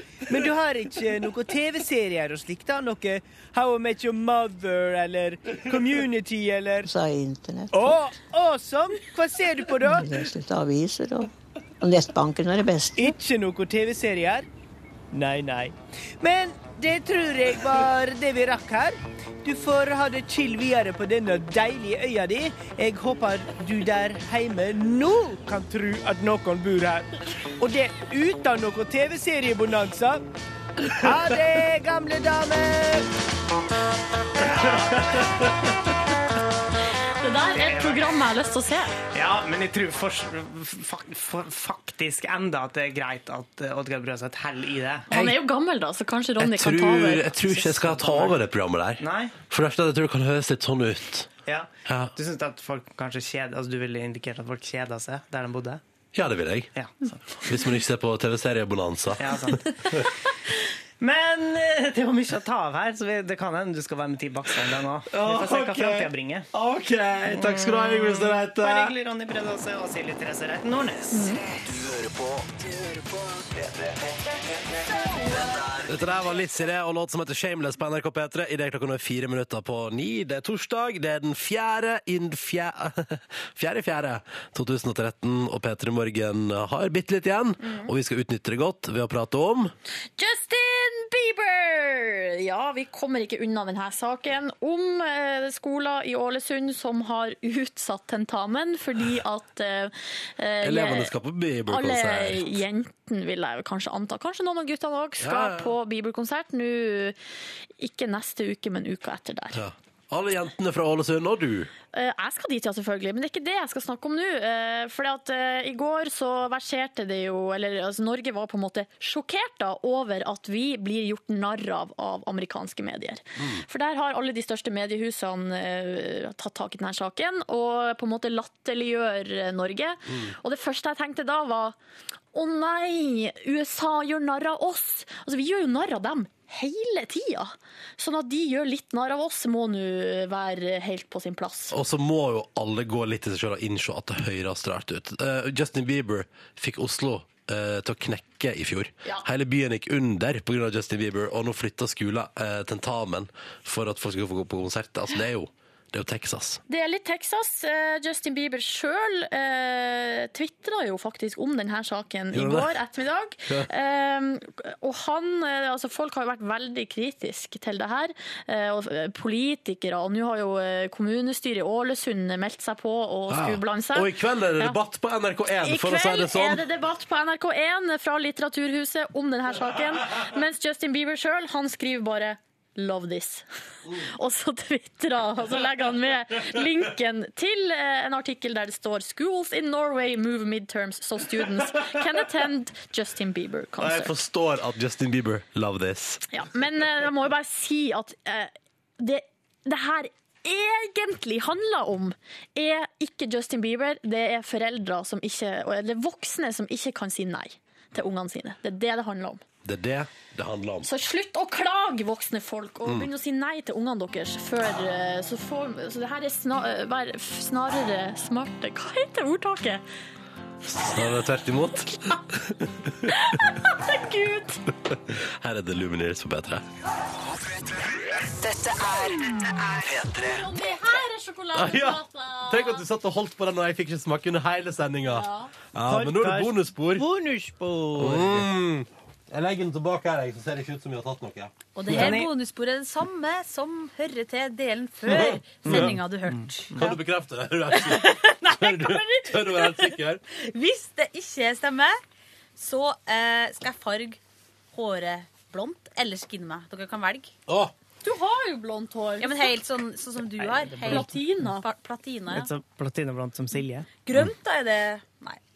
Skal jeg fortelle den morsomme og litt spennende, rare gummipropphistoria? Mm. Ja. Først som sist. Buttplug-historia di. Nei, det er ikke en buttplug-historie. Hva er det du har gjort? Hva er det du har ført inn i deg sjøl? Nei, jeg kom på det. Eh, Det er ganske lenge siden. Det, jeg har ført det inn i meg sjøl, faktisk, men inn i øret. Fordi For dette her hørte til et headset. Jeg hadde en sånn handsfree-telefon. Jeg kom på det fordi at jeg så en handsfree Ja, det hørte til handsfree-en til telefonen min. Mm. Men eh, jeg kom på det fordi jeg så en gummipropp nettopp, og så kom jeg på den litt spennende historien som jeg bruker å fortelle til folk. Dette her var kanskje i 2007 eller 2008, da jeg bare så vidt jobba i P3 Morgen som vikar på somrene. Så hadde jeg kjøpt meg en ny telefon som der hørte til et sånt eh, headset, eh, eh, handsfree headset. Og på det headsetet så var det en liten gummipropp, eller en liten gummiring, som liksom skulle eh, skåne øret mitt litt, så jeg ikke skar det opp når jeg putta proppen inn i øret. Var det, var det Sony Eriksson? Telefon? Nei, det var Nokia. Okay. Og så, eh, men det som var litt dumt, var at den var litt løs, sånn at når jeg hadde den i lomma, for eksempel, så kunne den eh, ringen av og til løsne. Kjenn meg igjen. Eh, så da var det en eh, gang at jeg hadde mista den her ringen, og var selvfølgelig jævlig irritert, fordi at eh, når man putter proppen inn i øret, så gjør det litt vondt. Mm. Altså det klør litt. Eh, Så jeg syntes det var irriterende og lurte på om jeg måtte kjøpe meg nytt sett. Så hadde jeg leita litt hjemme, hadde leita litt eh, på jobb, fant ingenting. Eh, og så var det en dag jeg gikk hjemover over et område som heter Sankthanshaugen her i Oslo. Gjennom parken der? Gjennom parken. Og idet jeg skulle komme til ei trapp som leder ned til Christian Michelsens gate, tror jeg den heter, så så jeg en nøyaktig slik gummiring liggende. For der hadde jeg gått dagen før. På bakken. Litt eh, tilsanda og smussa. Så tenkte jeg "Hva- hei helsike, så rart at jeg så ned akkurat når jeg gikk forbi proppa mi. Ja, var det din propp? Plukka den opp. Altså, hvor mange propp Altså, jeg har aldri sett en propp før. Eh, sånn, altså, det, er av den typen. Så jeg tenkte at jeg gikk jo her i går, jeg må ha mista den her. Et uh, gudsmirakel, eller i hvert fall en helt uh, sinnssyk tilfeldighet, da, gjør at jeg fant den igjen her. Tok den med hjem. Uh, Vaska den litt, slik at den var fri for sand. I vann? Eh, I vann, ja. Jeg slikka ikke av den, sånn som en katt ville gjort. så bra. Eh, og så eh, satt inn på headsetet, putta propper i øret og gikk og digga til musikk og radio eh, resten av dagen. Og på vei til jobb dagen etter. Yes. Så mista du den igjen. Men, eh, Men det fall. det var et par dager seinere, så eh, fortalte altså jeg fortalte denne tilfeldige historien at jeg hadde funnet den der proppa, for jeg hadde jo spurt etter den greia på, på jobben flere ganger. Ja, ja. Eh, så mange ganger at folk begynte å bli irritert på meg. Har dere Eh, sett proppa? Så, ja. og så fortalte jeg at jeg hadde funnet den der, og alle sammen syntes det var helt utrolig rart. Eh, og så gikk vi til lunsj. Og så kom jeg opp igjen i kontorlokalet, satt meg ned og- skulle begynne å trykke på datamaskinen min. Idet vaktsjef, tidligere vaktsjef Åge Wolff sier 'Yngve!' Ja, snudde meg, og så sto han med ei propp som han hadde funnet på gulvet oppe i kontorlokalet. Så var i det femte så proppa etasje. di. Så var det det som var proppa mi. Så du tok med fremmed hadde- propp fra parken? Da? Ja, som jeg hadde vaska i såpe, da. Mm. Men eh, aldri sett en sånn propp før eller siden. Og tilfeldigvis så fant de Altså, det, jeg syns det var så rart. Har du to nå, da? Ja, altså, Det der er jo lenge siden, så jeg har sikkert pælma hele greia til helvete. Men du hadde reservepropp, Og da. mista den sikkert flere ganger. Ja, ikke sant. Men eh, litt rart da at tilfeldigvis så skulle jeg finne en sånn propp eh, som ikke var mi, da jeg trengte henne som mest. Hun mamma gikk på skitur en gang. Mm. Eh, kom fram til bålplassen, oppdaga at en av hennes hvite perleøredobber var borte. Nei. Så på vei tilbake så tenkte hun ja, ja, det må ligge en plass her. Så er hun så iherdig. Så hun gikk liksom og kikka hele veien.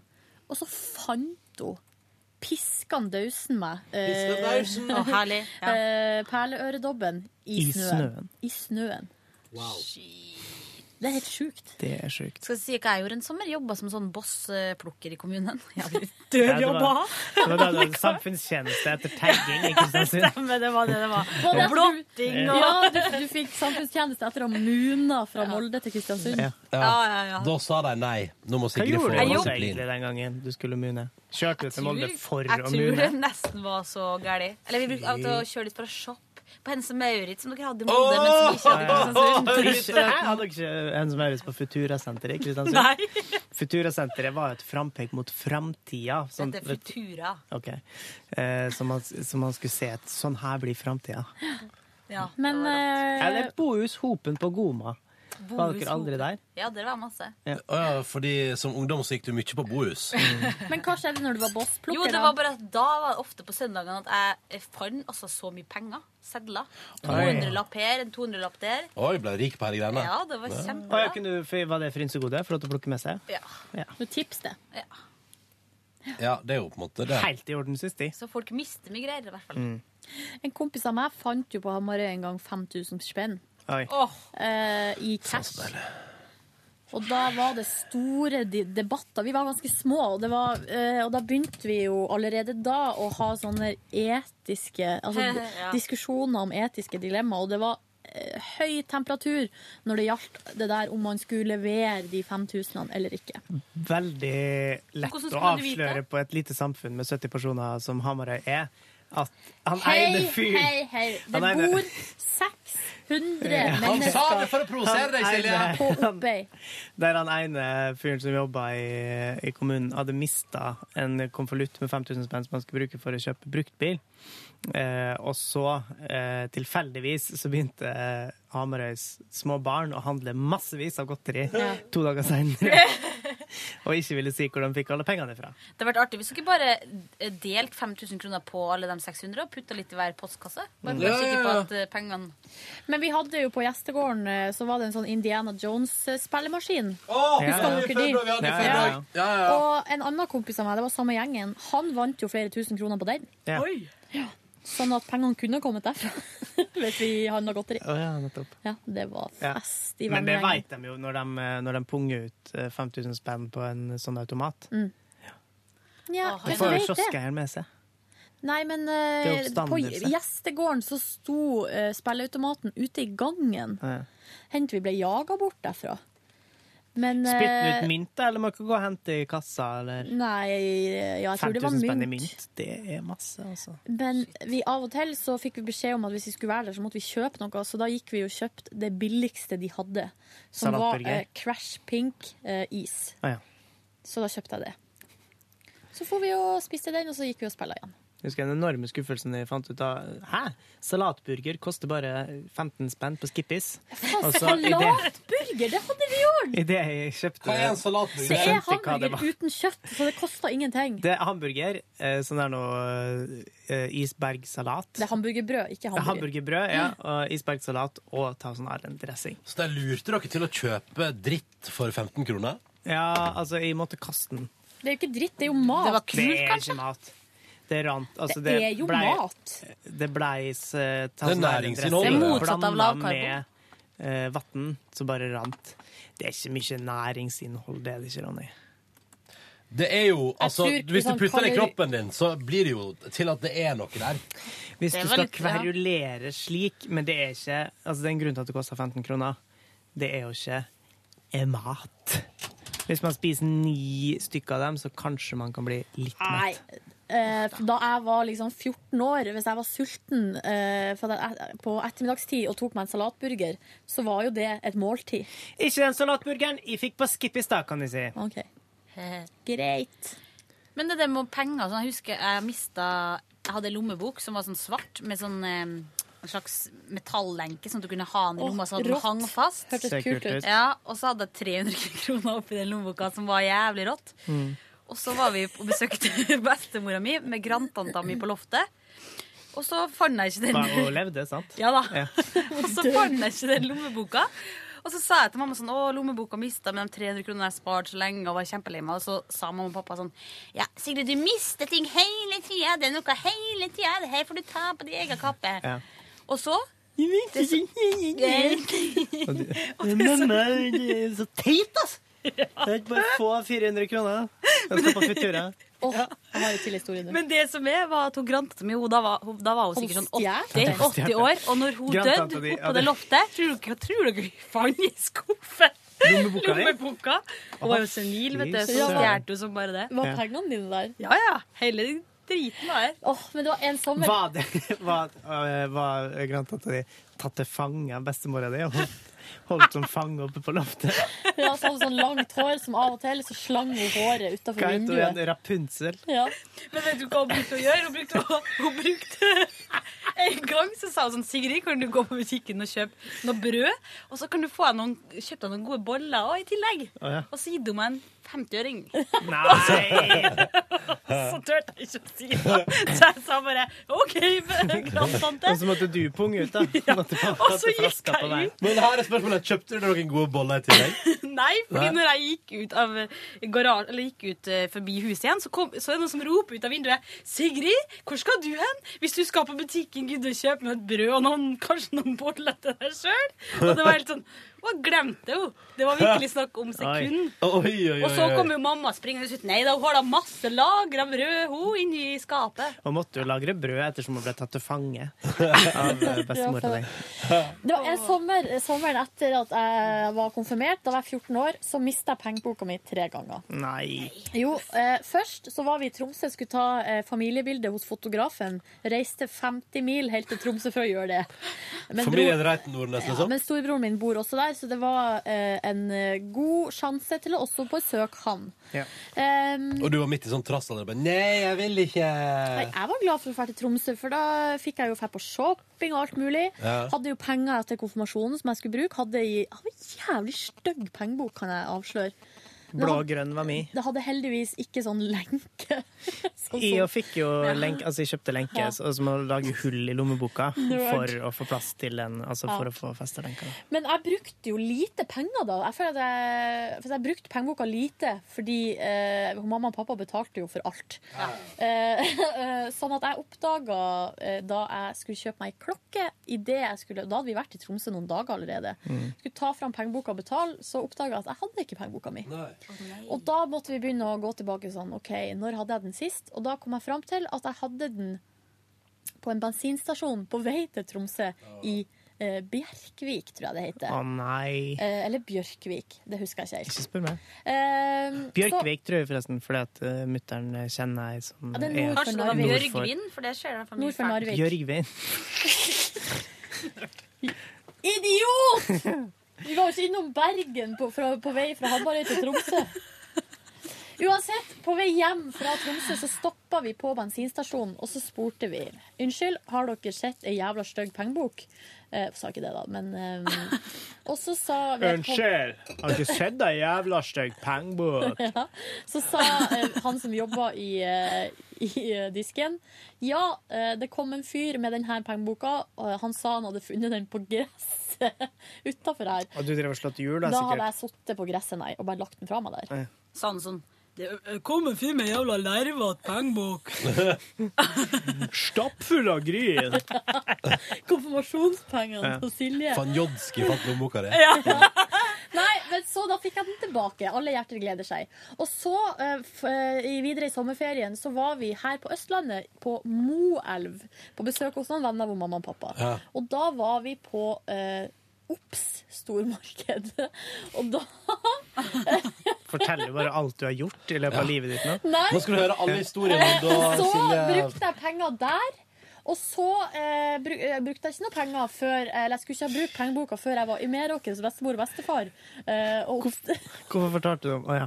jo, og oppdaga at jeg ikke hadde pengeboka. Ja, Så da måtte vi nøste opp igjen. Ja. Og mamma kommer som en slags hypnotisør og sier sånn hvor, var, hvor brukte du den sist? Se for deg. Visualiser. Lukk igjen øynene. Det var ikke slik at eh, du kom på det fordi du sa sånn Ops! Pengeboka mi er borte! Nei. Nei. Eh, Så vi måtte gå tilbake skritt for skritt for skritt. for Gikk dere til Moelv? Nei, i hodet. Ah, ja. I hodet. Og da eh, kom jeg fram til at sist gang jeg hadde pengeboka, var når jeg var på dass på Obs stormarked. Så ringte vi til? Obs stormarked, og så spurte vi Nei. Har dere sett ei jævla stygg pengebok? Og da sa eh, dama på eh, telefonen ja, vi har funnet ei ganske stygg pengebok på toalettet her på Oppstormarked på Moelv. Så da sendte jeg eh, lommebok. Hvordan de snakker?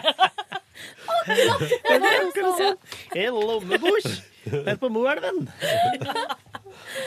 Eh, og det som var bonusen oppi alt det her, var jo at jeg ble så lei meg for at jeg skulle egentlig til Stjørdal på shopping. Bonusen oppi der vi fikk Men da var ikke, da var ikke, Hell, eh, da var ikke Hell Center eh, bygd? Jo, Hell Senter er bygd, men Hell Senter er ikke så bra. Nei, det vet jeg, men, Ja. eh, men det er jo det så er like navnet. greit å handle på, i Stjørdal sentrum. Å, ja, ja, ja. Men eh, jeg vet ikke hvorfor ikke vi kjørte inn til Trondheim, men det er nå Nei, det ei for- anna historie. Nei, men man skal holde seg på bygda når man først Men er da bygda. fikk jeg 500 kroner av han bestefar. Oi. For at, eh, Men du som, vel eh, deg òg, tenker jeg. som, som plaster på såret. Og da kjøpte jeg meg Red Hot Chili Peppers Californication. Ja, ja, ja, ja, ja. Jeg kom nettopp på nå at fornication betyr jo i det man snakker om Det californication? skjønte, det skjønte ikke jeg da jeg kjøpte det albumet. Nei, jeg trodde det var liksom kalifornisering, liksom. Ja. Ja, jeg trodde det var det. Mm. Men kanskje det er en dobbel betydning. Helt sikkert.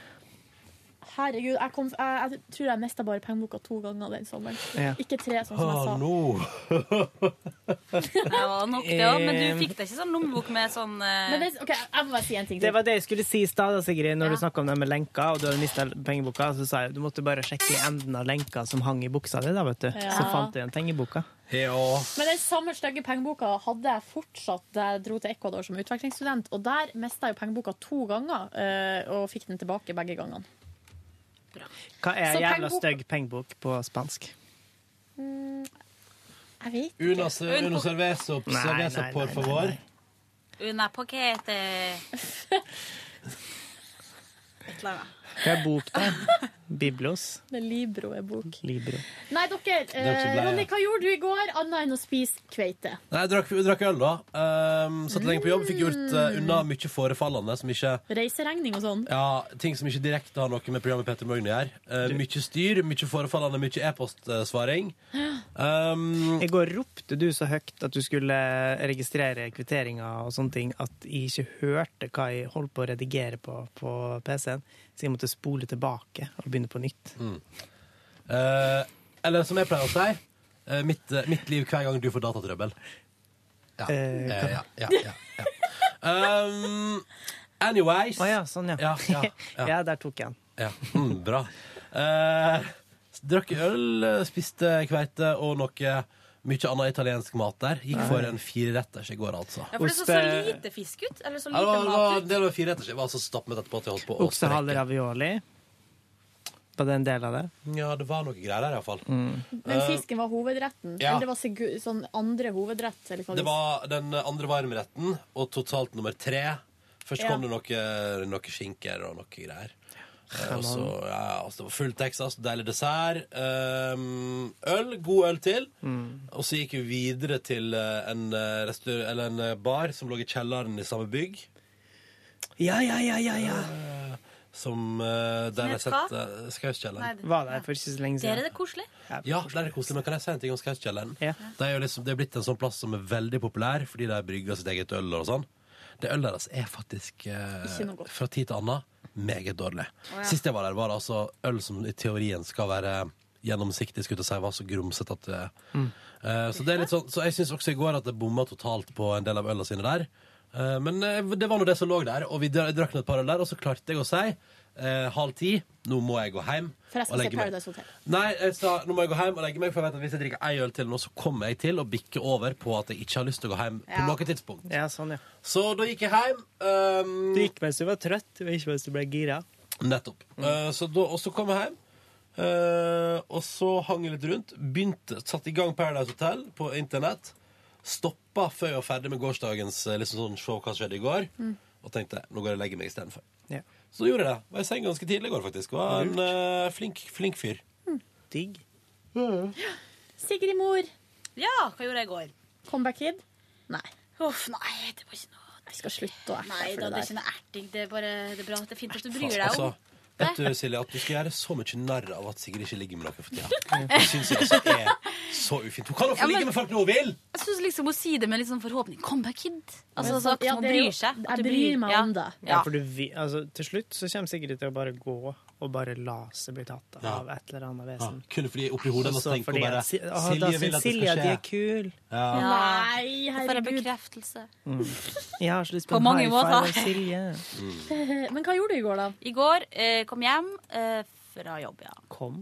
Hva gjorde jeg etter jobb? Jeg fant igjen noen gamle klær som jeg har pakka bort. For jeg tenkte sånn jeg følte, Eller jeg har en sånn hippieskjorte en plass som jeg tenkte sånn Det hadde vært litt Batik, gøy liksom. å ha på meg. Ja. Men da vil jo han i kantina som sier at du har Ja. LSD-klær, Ja. vil jo få vann på mølla. Ja, så prøvde jeg den, og så fant jeg ut Her var det jo hull under den ene armen og hull under den andre. Det var bare så mye hull i den skjorta. Det var litt for hippiebasert. Så da Ja. Du ble, følte du deg følte rett og slett lettkledd? Ja, Ja. litt rart. Og så rota jeg ut av hele klesskapet for å få til det der, da. Mm. Så det var veldig dumt. Uten at jeg Men jeg ser for meg at du strever når du er hjemme. Du At det er strever et helvetes kaos, ja. Det ser jeg jo for meg. Uff a meg, det var styret. Ja, så kom det ingenting godt ut av det. Og så stakk jeg på trening sammen med hun jeg bor med. Så flink du er. Vi var på noe som heter for cardio step, som hun sverger til. Og Mm. det var helt jævlig. Oi. Men det var veldig bra trening, da. Men jeg hadde vondt i hofta fra før av. Fordi jeg har jo noen sånn hofteproblem som jeg har slitt med. Ble ikke noe bedre av treninga. Men du, Ja. eh, det treningssenteret du er på, er det gul logo eller grønn logo på det? Grønn. Grønn, ja, ok. Mm. Og det er bare digge folk som er der, utenom meg. Og sånn. Er ikke sånn, digger du òg, ja, da, men ikke på sånn måte. Fordi det er akkurat som Enten så er de sånn, eh, sånn syltynn tynn og veltrent kropp, kropp, eller så er de sånn Pamela Anders, Andersen. Digg. Litt sånn Ja, Andersson. Eh, ja, Andersson. Litt sånn eh, stor på de riktige Eller trent Ja, og ja, stor på de riktige plassene. Men du, eh, tror, det har jo ikke så mye med den grønne logoen å gjøre. Det har jo mest med området du bor i å gjøre. Har det det? det er det, ja. Tror jeg, Ja, da. det kan Det er vestkant, vestkant. For du trener på den som ligger omtrent i det huset du bor? Ja. Men det er hyggelige lokaler og Ja, men det er liksom ikke så kult når alle er så woho, spretten og digg. Nei. Og så Er ikke det motivasjon? Ja, men det blir liksom bare sånn uansett hva jeg gjør, så kommer jeg ikke til å se ut som eh, eh, Pamela, liksom. Men vil du se ut som Pamela? Nei, jeg vil jo ikke det. Hadde vært Det hadde vært litt av en overgang. Ja. Ja. Og det har blitt slitsomt. Ja. Men Pamela er jo lita av Jeg tror hun hun er veldig ja, lita, ja. Hun er lita sånn som Aylar er lita. Aylar Åh. er bitte lita. Lene Alexandra, hun, det er sånne folk er det der. Ja. Den typen kropp. Ja. Ja. Folk som bedriver Men hun jazz òg er jo lita. Ja, hun er lita. Ja. Og, Du er ganske lita, du òg, egentlig. ja, men ja. Ja, ja, nok om det. Det var noe fint. Så tenkte, jo, så tenkte jeg mye på det med kropp mens jeg var der. jeg tenkte mye på sånn eh, Så rart at noen har sånn kropp, og noen har sånn kropp. Så noen menn av interesse der, eller? Du, eh, ja, faktisk så For det? For det. Det. det, var, det var jo sånn, det er sånn cardio-step med sånn steppekasse.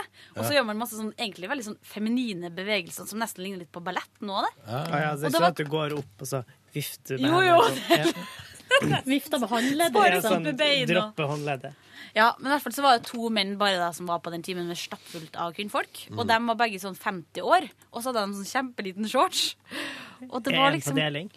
Eh, Nei, de hadde hver sin, da. Ja, ok, bra. Men uh, de var jo på en måte ikke noe sånn at jeg har lyst til å gjøre noe comeback med noen av dem. Men det var liksom litt fint lell. Ja. gamle folk som dansa. Ja. Ok. Ja, så får jeg hjem, og var egentlig bare hjem. La meg tidlig. Så flink du er. Jo da. Jeg lå i senga lenge og prøvde å sove. Pliktoppfyllende Sigrid. I går- Ordentlige Sigrid. I går shina jeg kåken. Jeg gjorde ferdig. Og vaska. Vaska, altså først så malte jeg ferdig eh, gjesterommet. Ja, en- enda listene står igjen, da. Eh, og så vaska jeg hele greia. Skrudde sammen pult, bar inn seng, gjorde alt klart, for at i dag får jeg besøk av mutter og fatter. Å, er det sant? Ja, ja, ja. Og skal helt weekend i hovedstaden. Yes, eh, så de kommer i dag. Og skal rett og slett være Altså, de skal Altså rett og slett eh, Hva skal man si, da? Eh, debutere altså, i bruk av, av gjesterom? Ja, men jeg tror Skal innvie gjester. Hei, hei! Jeg tror, jeg tror at jeg skal gi dem soverommet, og så kan jeg ta gjesterommet. Fordi at Dama di, da? Ja, hun, hun er jo i fred... Ja. Eh, Nei, hun er jo på den der utvekslingsplassen sin, eller praksisplassen. Hun kommer hjem i morgen eh, formiddag. Men jeg vet ikke at den andre Altså, gjesterommet har ei 20-seng, Ja. eh, mens eh, soverommet har ei 50-seng. Mm. Og så tenker jeg at de liksom Det er ikke hyggelig å gi litt bedre plass til dem. Det gjør eh, hun Mamma og pappa har eh, nesten alltid brukt og gjort det, og Ja. gitt sitt soverom til Ja. besteforeldrene. Ja. Og så har de flytta en annen plass. Ja, jeg tror jeg gjør det. altså. I hvert fall i natt. Det er veldig, fordi det er veldig hyggelig gjort, iallfall. Veldig hyggelig, men samtidig så tenker jeg det er litt av grunnen til at vi får oss gjesterom, er jo for at vi kan plassere folk der. Ja. Men, uh... Men kanskje ikke foreldrene dine, og kanskje noen andre. ja, jeg gjør Men det. eh, kan jeg si en ting der? Fordi en 20-seng ja, på gjesterommet, vet dere hva? Uh, jeg, nå skal, nå, I dag skal jeg gjøre det. I dag skal jeg gjøre det. Hva da? Måle opp, fordi nå skal jeg løse det store mysteriet. Jeg nekter å tro at den senga mi som 1,20 er 1,20. Jeg tror ikke på at den er det. Ja, du tror 1,10, liksom? Jeg tror Altså, faen, det er, vet du det, Jeg innså det når jeg la meg i går kveld, blant annet. Så tenkte jeg sånn Den senga her har så vidt plass til meg. Ja. Hva Det, er det er den du sover i hver natt? Ja, ja, ja, og den er jo elendig. Skal ta- I dag Herregud, skal der jeg er 50, det er så sykt digg. Å, jeg tror på deg! Mhm. Jeg har ei 20, jeg funka helt Ja, eh, vi har fint. hatt ei 20 hele veien da, fram til vi kjøpte oss ny nå. Men det var ikke vits å kjøpe en ny ei 20-seng, liksom. Det har vi jo fra før. Ja, Så Er det da- ikke litt rart at jeg som det skjer så lite i bingen til, har Men kanskje større nettopp seng enn derfor, da? dere? Kanskje du skulle hatt ei lita hybelseng? Sånn eh, Sånn at du måtte ligge litt tettere, ja. Ja. Ja. Men For du har jo ofte menn så du klarer det med en 20, men de er så langt unna. Vi klarer oss med ei 20, men eh, det er på en måte Drømmer ikke, du om, drømmer ikke du om større seng? Nei, det er ikke noe spesielt jeg drømmer om. Men det neste grunnen til at jeg drømmer eller har sett på ei seng på Ikea som jeg lurer på om vi skal kjøpe, er for at det er sånn, det er sånn ramme som har sånne skuffer under. Ja, ja, ja. Så det er bare rett og slett for oppbevaringa sin del at det er veldig praktisk. Lurt. For sånn som nå, så er det jo bare Det er litt for trangt under senga, egentlig, til å få plass til noe særlig der. Få plass til kanskje noen kofferter og sånn. Og Også-. Og jævlig mye støv. Ja.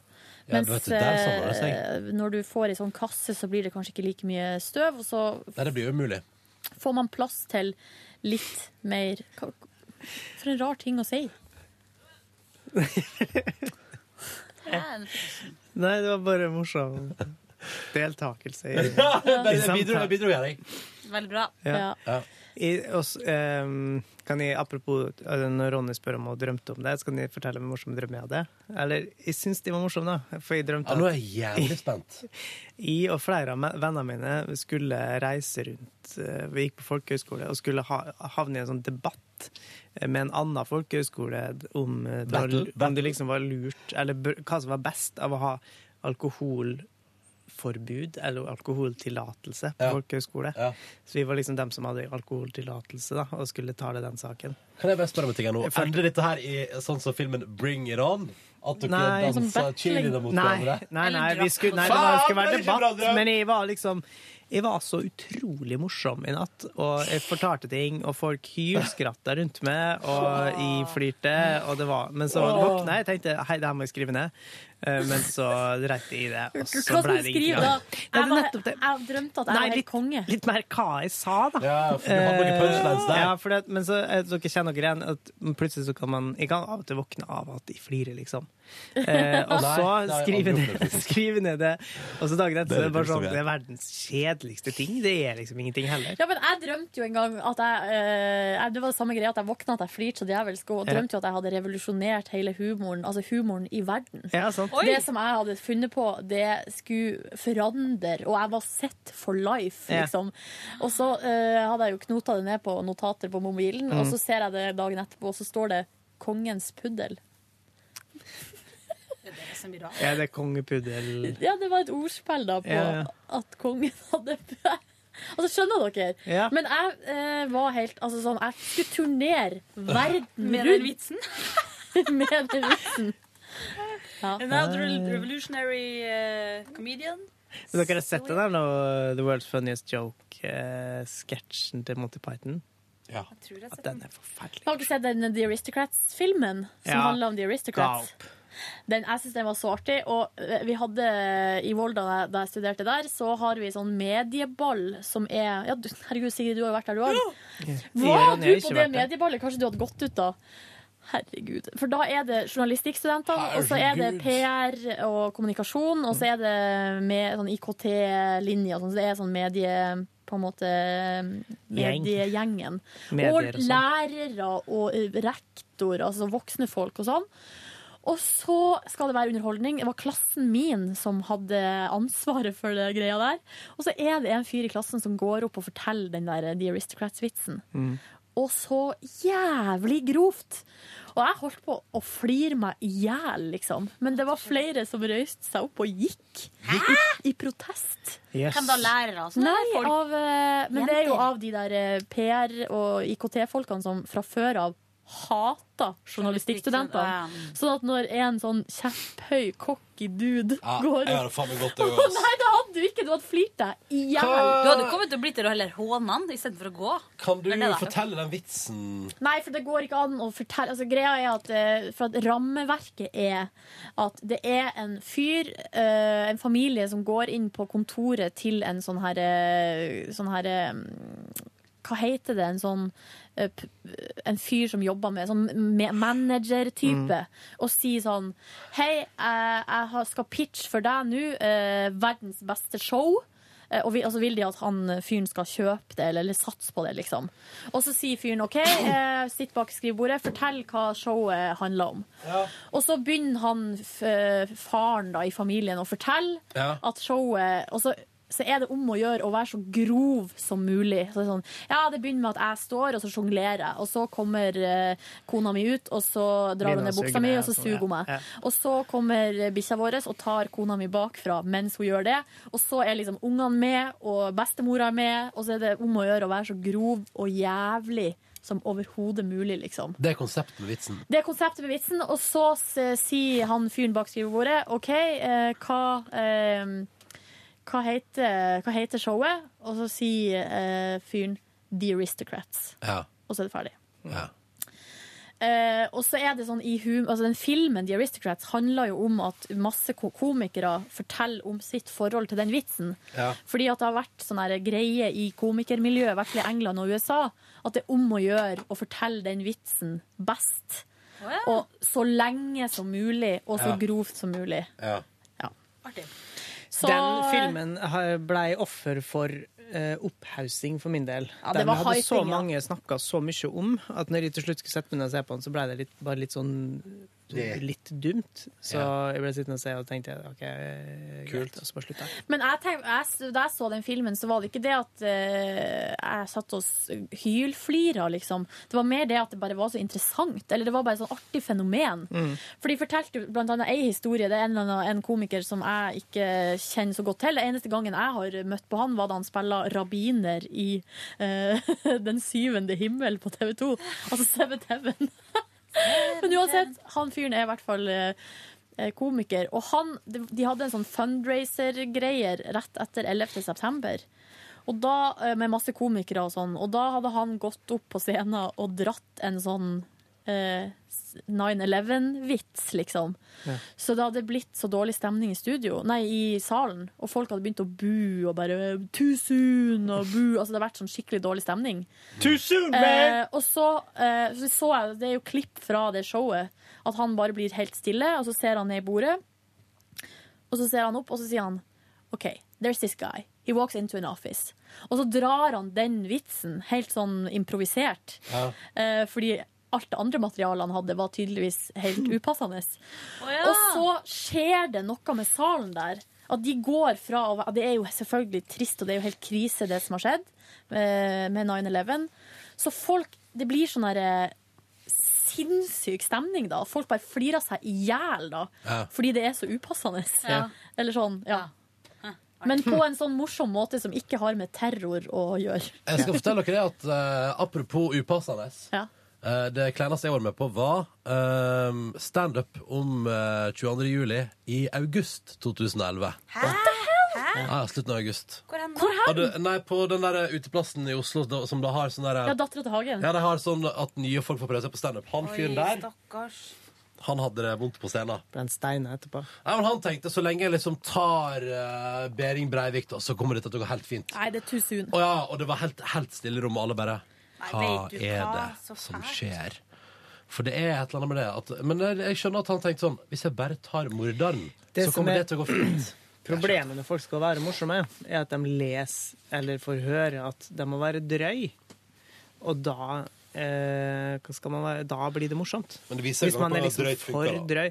Ja, men det må være en Altså, finesse der, og det må være en grunn jo- til det. De siste åra er jo det, noe jeg har lært mest av, Zaid Ali, som er så drøy på sånn uh, standup-festival at de liksom knekker sammen. Fordi det, Det- er så Ja, ja, ekstremt upassende. Men, det de sier om eh, noe av den norske humoren som gjør at det av og til ikke, ikke blir At, det, at vi lander, eller at komikerne lander på feil side av knivseggen, for det er jo en knivsegg, der hvis du er Uh, for sånn, det var jo en debatt, for at, jeg vet ikke om det var på Brille eller hvor det var, det var noen jødevitser der, Ja. uh, som var på en måte De var på en måte drøy, men ikke så drøy at det ble humor. Skjønner yes, dere? ja, at det ble bare, bare det ble bare hverdagsrasisme. Ja. Ja, ja, Eh, det ble bare en sånn ting som vanlige folk sier, Mm. og mener det. Mm. Mens eh, sånn som The Aristocrats, da, med incest og hundedritt og bestemors gebiss Så det er det, det er noe folk driver med, det også. Ja, men det er så drøyt da at det er ikke, det er ikke dagligdags, på en måte. Ja. Men du syns det var gøy i Volda? Ja, Hvis vi skal tilbake til der vi begynte. Ja, men greia var at det var så Og så var det Jeg satt Jeg hadde på en måte sånn der eh, Jeg satt ved sida av noen jenter som kom fra en, en av de andre klassene, som i utgangspunktet var så fiendtlig innstilt til hele ja, jeg- arrangementet Jeg, jeg tror på det. Herregud. at uh, det ble bare så artig. Ja, ja, jeg skal dra fort gjennom min gårsdag. Jeg gjorde så mye, og jeg er så fornøyd. Eh, jeg var jo først på intervju for, eh, på Røde Kors eh, for at jeg skal bli besøksvenn. Det var mer et sånn kartleggingsmøte der de skulle bli litt kjent med meg, så jeg fortalte om meg sjøl, interesser og sånn, og, så, og hva jeg liksom Hvilken type jeg tror at jeg passer med, da. Type gammel venn. Morsomt bilde. Se for deg at du kom på det intervjuet, og så resultatet av intervjuet var at de fant ut at du trengte en besøksvenn. ja. ja, men det hadde ikke vært noe Du kunne gjerne fått en besøksvenn, jeg. Ja. Trenger ikke være gæren for det. Nei, herregud. Men ehm, det, hun sa, var jo Hva ser du for deg? Og så sier jeg jo altså Jeg vil ha det- ei digg dame. det man ser for seg, er jo sånn koselig dame som lager god kaffe, sitter og strekker, er bare tipp topp shape. Vi kan bare prate og kose oss, og det skal bare være good times. Eh, og så sa hun sånn Ja, det er jo det man som ofte ser for seg, men så er det sånn at eh, mange av dem som trenger besøksvenn og er ensom, er det kanskje Ikke alle, men mange er det av en grunn. Ja. At det er at man har At det har skjedd noe, eller sånn at man har man demens, eller at det er et eller annet liksom som gjør at Ja. At man trenger det, ja. ja. Eh, så, så, men jeg sa at jeg, jeg er åpen for alt, jeg. Ja. Lar vi skjebnen styre det her. Hva gjør du hvis du ender opp med gammel mann som tenker ung besøksvennjente, let's go? altså, en gammel gris, liksom. Gammel gris.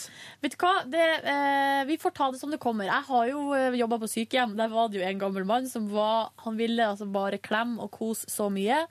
Eh, og da tenkte jeg med meg sjøl, vet du hva, nå klemmer jeg litt her. Ja. Nå må han her gamle mannen få litt eh, kroppskontakt før han Klemming er vel eh, ja, Før han Han kleip meg på ræva en gang. Fordi ja, eh, han skulle legge seg, og så var han sånn Å, må få en klem før jeg legger meg. Så, så klemte han, og så bare kom han da rundt og bare pip, pip. Altså, med sånn klemming? Eller bare følt Nei, det var bare litt, strøyk, sånn, litt stryking. Ja. Og da tenkte jeg sånn, så sa jeg sånn Hei, du! Og han bare Hei der. Så um, det var greit. Jeg syns det var helt greit. Uformelle tone der, altså. Ja. For du gikk for, du gikk for godvarianten. Hei, du! Det var jo min lille luring. Skal den være bak der? Men etterpå så gikk jeg faktisk og shoppa litt. Kjøpte meg ny genser, kjøpte fuktighetskrem. Den du har på deg nå? Nei, eh, Nei. en annen genser. Ja, og så kjøpte jeg jeg bukse. Den har jeg, prøv, den, jeg gadd ikke å prøve den i butikken. Prøvde den da jeg kom hjem. Passa ikke. Så Nei! Hva har du lært av det, Silje? At jeg egentlig må prøve ting. Ja. Det er så jævlig. Men så for jeg og møtte min kjæreste og spiste på restaurant. Tilfeldigvis samme som du var på, Ronny, bare at vi var der en time før. Ja. Eh, Så du så Å nei, nå kommer Ronny. Og så sprang Ja, så sprang vi til helvete. Har du en bakvei? Har du en doggybag og en bakvei? Gi meg Jeg gir deg 500 ekstra hvis du har en doggybag og ei bakdør. Er det sånn jeg høres ut? Nei. Ja. Og så, det som skjedde etterpå der, dere, var jo at vi gikk, eh, skulle tusle hjemover, gikk forbi en butikk der jeg har kjøpt meg mine nye sko, som jeg har på meg i dag, som er Ah. kjempefine. Så sier kjæresten min, vi går inn, vi, skal vi ikke bare gå inn her litt og kikke? Og så prøvde hun noen sko, prøvde noen vintersko som var på tilbud, som Ja. var bitte litt for små til meg, men passelig til henne. Og de var Irriterer det deg litt? Fordi det er sånn, da kjøper ikke det hvis det ikke passer jeg, begge. faktisk, jeg kan bruke det hvis jeg har tynn sokk. Så Oh. eh, dere, må, dere vet jo og kjenner jo meg såpass godt at det er sjelden at jeg gjør noe uten at det en, Ja, for dere, at det er en for dere bak. deler garderobe, for å si det sånn. Eh, ja, men Greia var at det er egentlig vintersko, eller høstsko, men eh, hun kan ha de på seg med tjukk sokk, så det blir mer vintersko. De var dritfine på halv pris. Hun prøvde de, og jeg så at hun hadde lyst på de, og så sa jeg skal jeg kjøpe de til deg? Og så sa hun vil du det? Så sa jeg ja. Så da gjorde jeg det, eh, og det var god stemning. Eh, Vi gikk hjem, sov middagskvil på sofaen, og så Det var ikke noe hanky-panky. Hvorfor sier du det? Du eh, jeg, he- heva øyenbryn. I nå bare her. Nei, det gjør du ikke. Oh. Og så, dere, det jeg er mest fornøyd med, er at jeg våkna klokka sju på sofaen, Hæ? Kræka meg opp Ja. og for på joggetur. Nei. Jo.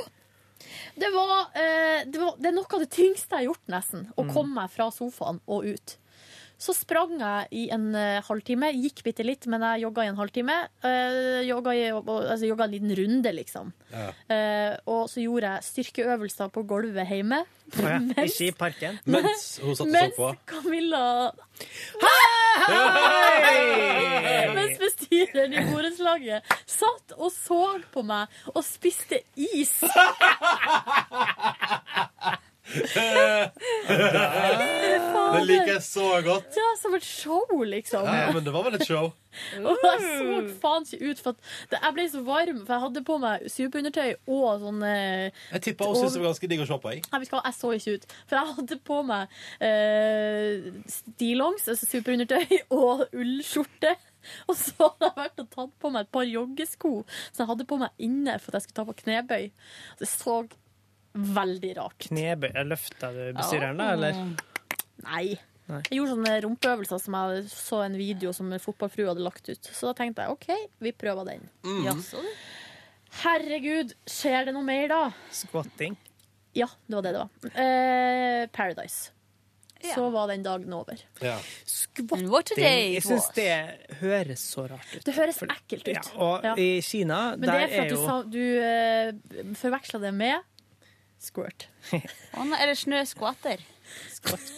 Nei, men vi forveksler med skvetting. Altså, oh, ja. Ja. Men for, og i Kina så har de med squatting toilets overalt, der du skal Ja. sitte på huk. Det betyr jo bare stå på huk.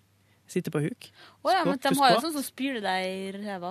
Nei, det er Japan. Nei, Jeg hadde en yogalærer en gang som mente at squatting er på en måte Og det å sitte, men når man sitter så langt ned du kommer, da, Ja. er det best, uten å tippe bakover, er det beste som du kan gjøre. En liten øvelse for rygg og Jeg har sånn. aldri hørt det uttrykket før. Squatting. Aldri. Eh, det er for du ikke har kanskje vært så mye på I Kina. sånne type eh, treningstimer Mm. med instruktør. Har du det? Nei. Nei. Og du har heller ikke vært i Kina. Så det er en naturlig årsak til det. Kan jeg komme tilbud Det er en vanlig, ganske vanlig måte å sitte på i f.eks. i Østen. Å sitte squatting. Altså I Ja, India og sånn, så India sitter de jo sitter sånn. Ja, det var det som var at hun mente på, og det har kanskje en sammenheng med yoga, da. For Jeg at tror hun- mennesker egentlig skal sitte sånn. Ja, hun mente på at hvis du sitter sånn hver gang Hvis da du står og venter på bussen, squat. Uh, står i kø på butikken, squat. Og det brukte hun å gjøre. Uh, Kan dere vise meg squat nå? du ser ut som en idiot. Gjør det veldig mye, har jeg sett. Ja, eh, og at det er så bra for ryggen. Ja, jeg har aldri satt sånn og venta på bussen, da. Nei. Du ser ut som du sitter og holder på med et eller annet. Du ser ut som man sitter og skiter. Det er jo det. Men det er jo sånn de driter i Kina. Ja, og det driter de jo sånn på togstasjonene. Men jeg vet ikke om de har dem, fordi at i OK, jeg snakker om India. Jeg sitter bare på tærne, men man skal kanskje egentlig sitte på Jeg, jeg tror du skal prøve å ha hælene bak eh, nedi, hvis du klarer det uten å bekke bakover. Men seriøst, i India på en plass jeg var der, så var jeg på morgenen, eh, på et spesielt tidspunkt, så satt det så folk på den måten der bortover hele toglinja og, Og pissa og dreit og alt mulig. Fordi jeg har hørt òg, for vi har jo komforten med å sitte på ræv, altså sitte når På man skal drite, og da må man sitte og presse og vrenge og få hemoroider og alt det greia der. Mens hvis man sitter sånn som der, så tømmer man det rett ut. Og så tror jeg òg litt av grunnen til at de ikke trenger så mye dopapir i de landene der. Tømme ryggen. det er ikke så mye og det er ikke så mange Hindringer. rester, da. Jeg syns det er så ekkelt når folk sier det. Tøm ryggen. Tømme ryggen og tømme låret. Det er jo å pisse, da. Oh, ja, okay. Du har et tilbud på tampen, Sigrid. Ja, det jeg skulle si var at, uh, at jeg lurte litt på om jeg kan kjøpe Eller nei, om jeg kan tilby dere et kvarter lenger, eller lenger lunsj mot at noen av dere eh, låner meg penger til mat. Ja. Fordi jeg glemte lommeboka. Og det er du som bestemmer lunsjen, da, hvor lang den skal være? Nei, jeg, jeg spurte eh, vår sjef om vi Ja. kunne Ikke egentlig lenge lunsj, bare at vi faktisk rekker å spise lunsj. Ja. Mm. Det det. Ja, men uh, greit. Du skal Kanskje Ronny kan betale for deg, for jeg må betale for Yngve, for han betalte for meg i går. Oh, jeg okay. Det er så mange Jeg som skylder med lunsj nå. Jeg skylder deg penger uansett, Nei, hvorfor gjør du det? Jeg er helt sikker på at jeg gjør det. Jeg tror ikke du gjør det. Ronny, Men du er jo alltid sikker på at du skylder penger folk i morgen. Ja. Jeg har litt sånn samme følelsen jeg òg, tilbake til deg. Vær forsiktig at jeg ikke du blir utnytta. Du òg, Sigrid. Pass dere nå. Jeg, tar, jeg vil at vi skal ta med noen visdomsord på tampen av podkasten i dag. Okay. Ok. Sitt på huk på Nei, do. nei, nei, her, her, her kommer det. Her kommer det. Halla, dette er DJ Broiler, og du hører på P3-påske med Janne. Dagens visdomsord. Dette er bare helt magisk. Bra Du, den sangen, Afterski, er den styggeste sangen Men du, skal jeg fortelle hva som skjedde rett før påske nå? Beleilig. DJ Brønner har fått seg platekontrakt, og, og så har tilfeldigvis plateselskapet laga en ny versjon, som denne gangen er mastra, sånn at den i alle fall høres jevn ut. Men eh, hva skal den artisten med platekontrakt Kommer noen til å kjøpe plater til DJ Broiler? Og nei, det er vel liksom bare, det er vel bare, bare at for sånn- et uh, stort plateselskap som gir ut uh, låtene én for én digitalt, og fikser andre ting, sånn DJ Broiler i lengda, eh, bygger merkevarer og tjener mer penger. For det er vel det DJ Broiler Money, vil. money, money, money, money. Det er det det handler om ofte, da. Men Mm. ikke alltid. Det er jo også kunst sett, og sånn. Dere har sett at han uh, Han der Han som er liksom er bilde av på DJ Broiler-videoene, Ja. han bodybuilderen Nå har han oppdaga at de bruker det, og Ja. så vil han eh, lure, han lurer på hvorfor. Jeg liker det at han bare eh, Altså, jeg skal ikke sånn- bry dere så mye, men uh, Hvorfor? Fordi Det er artig. OK. Ja. Ha det bra. Ha det bra. Ha det. Du hører nå en podkast fra NRK P3. Hent flere podkaster fra NRK på nettsiden nrk.no podkast. NRK P3.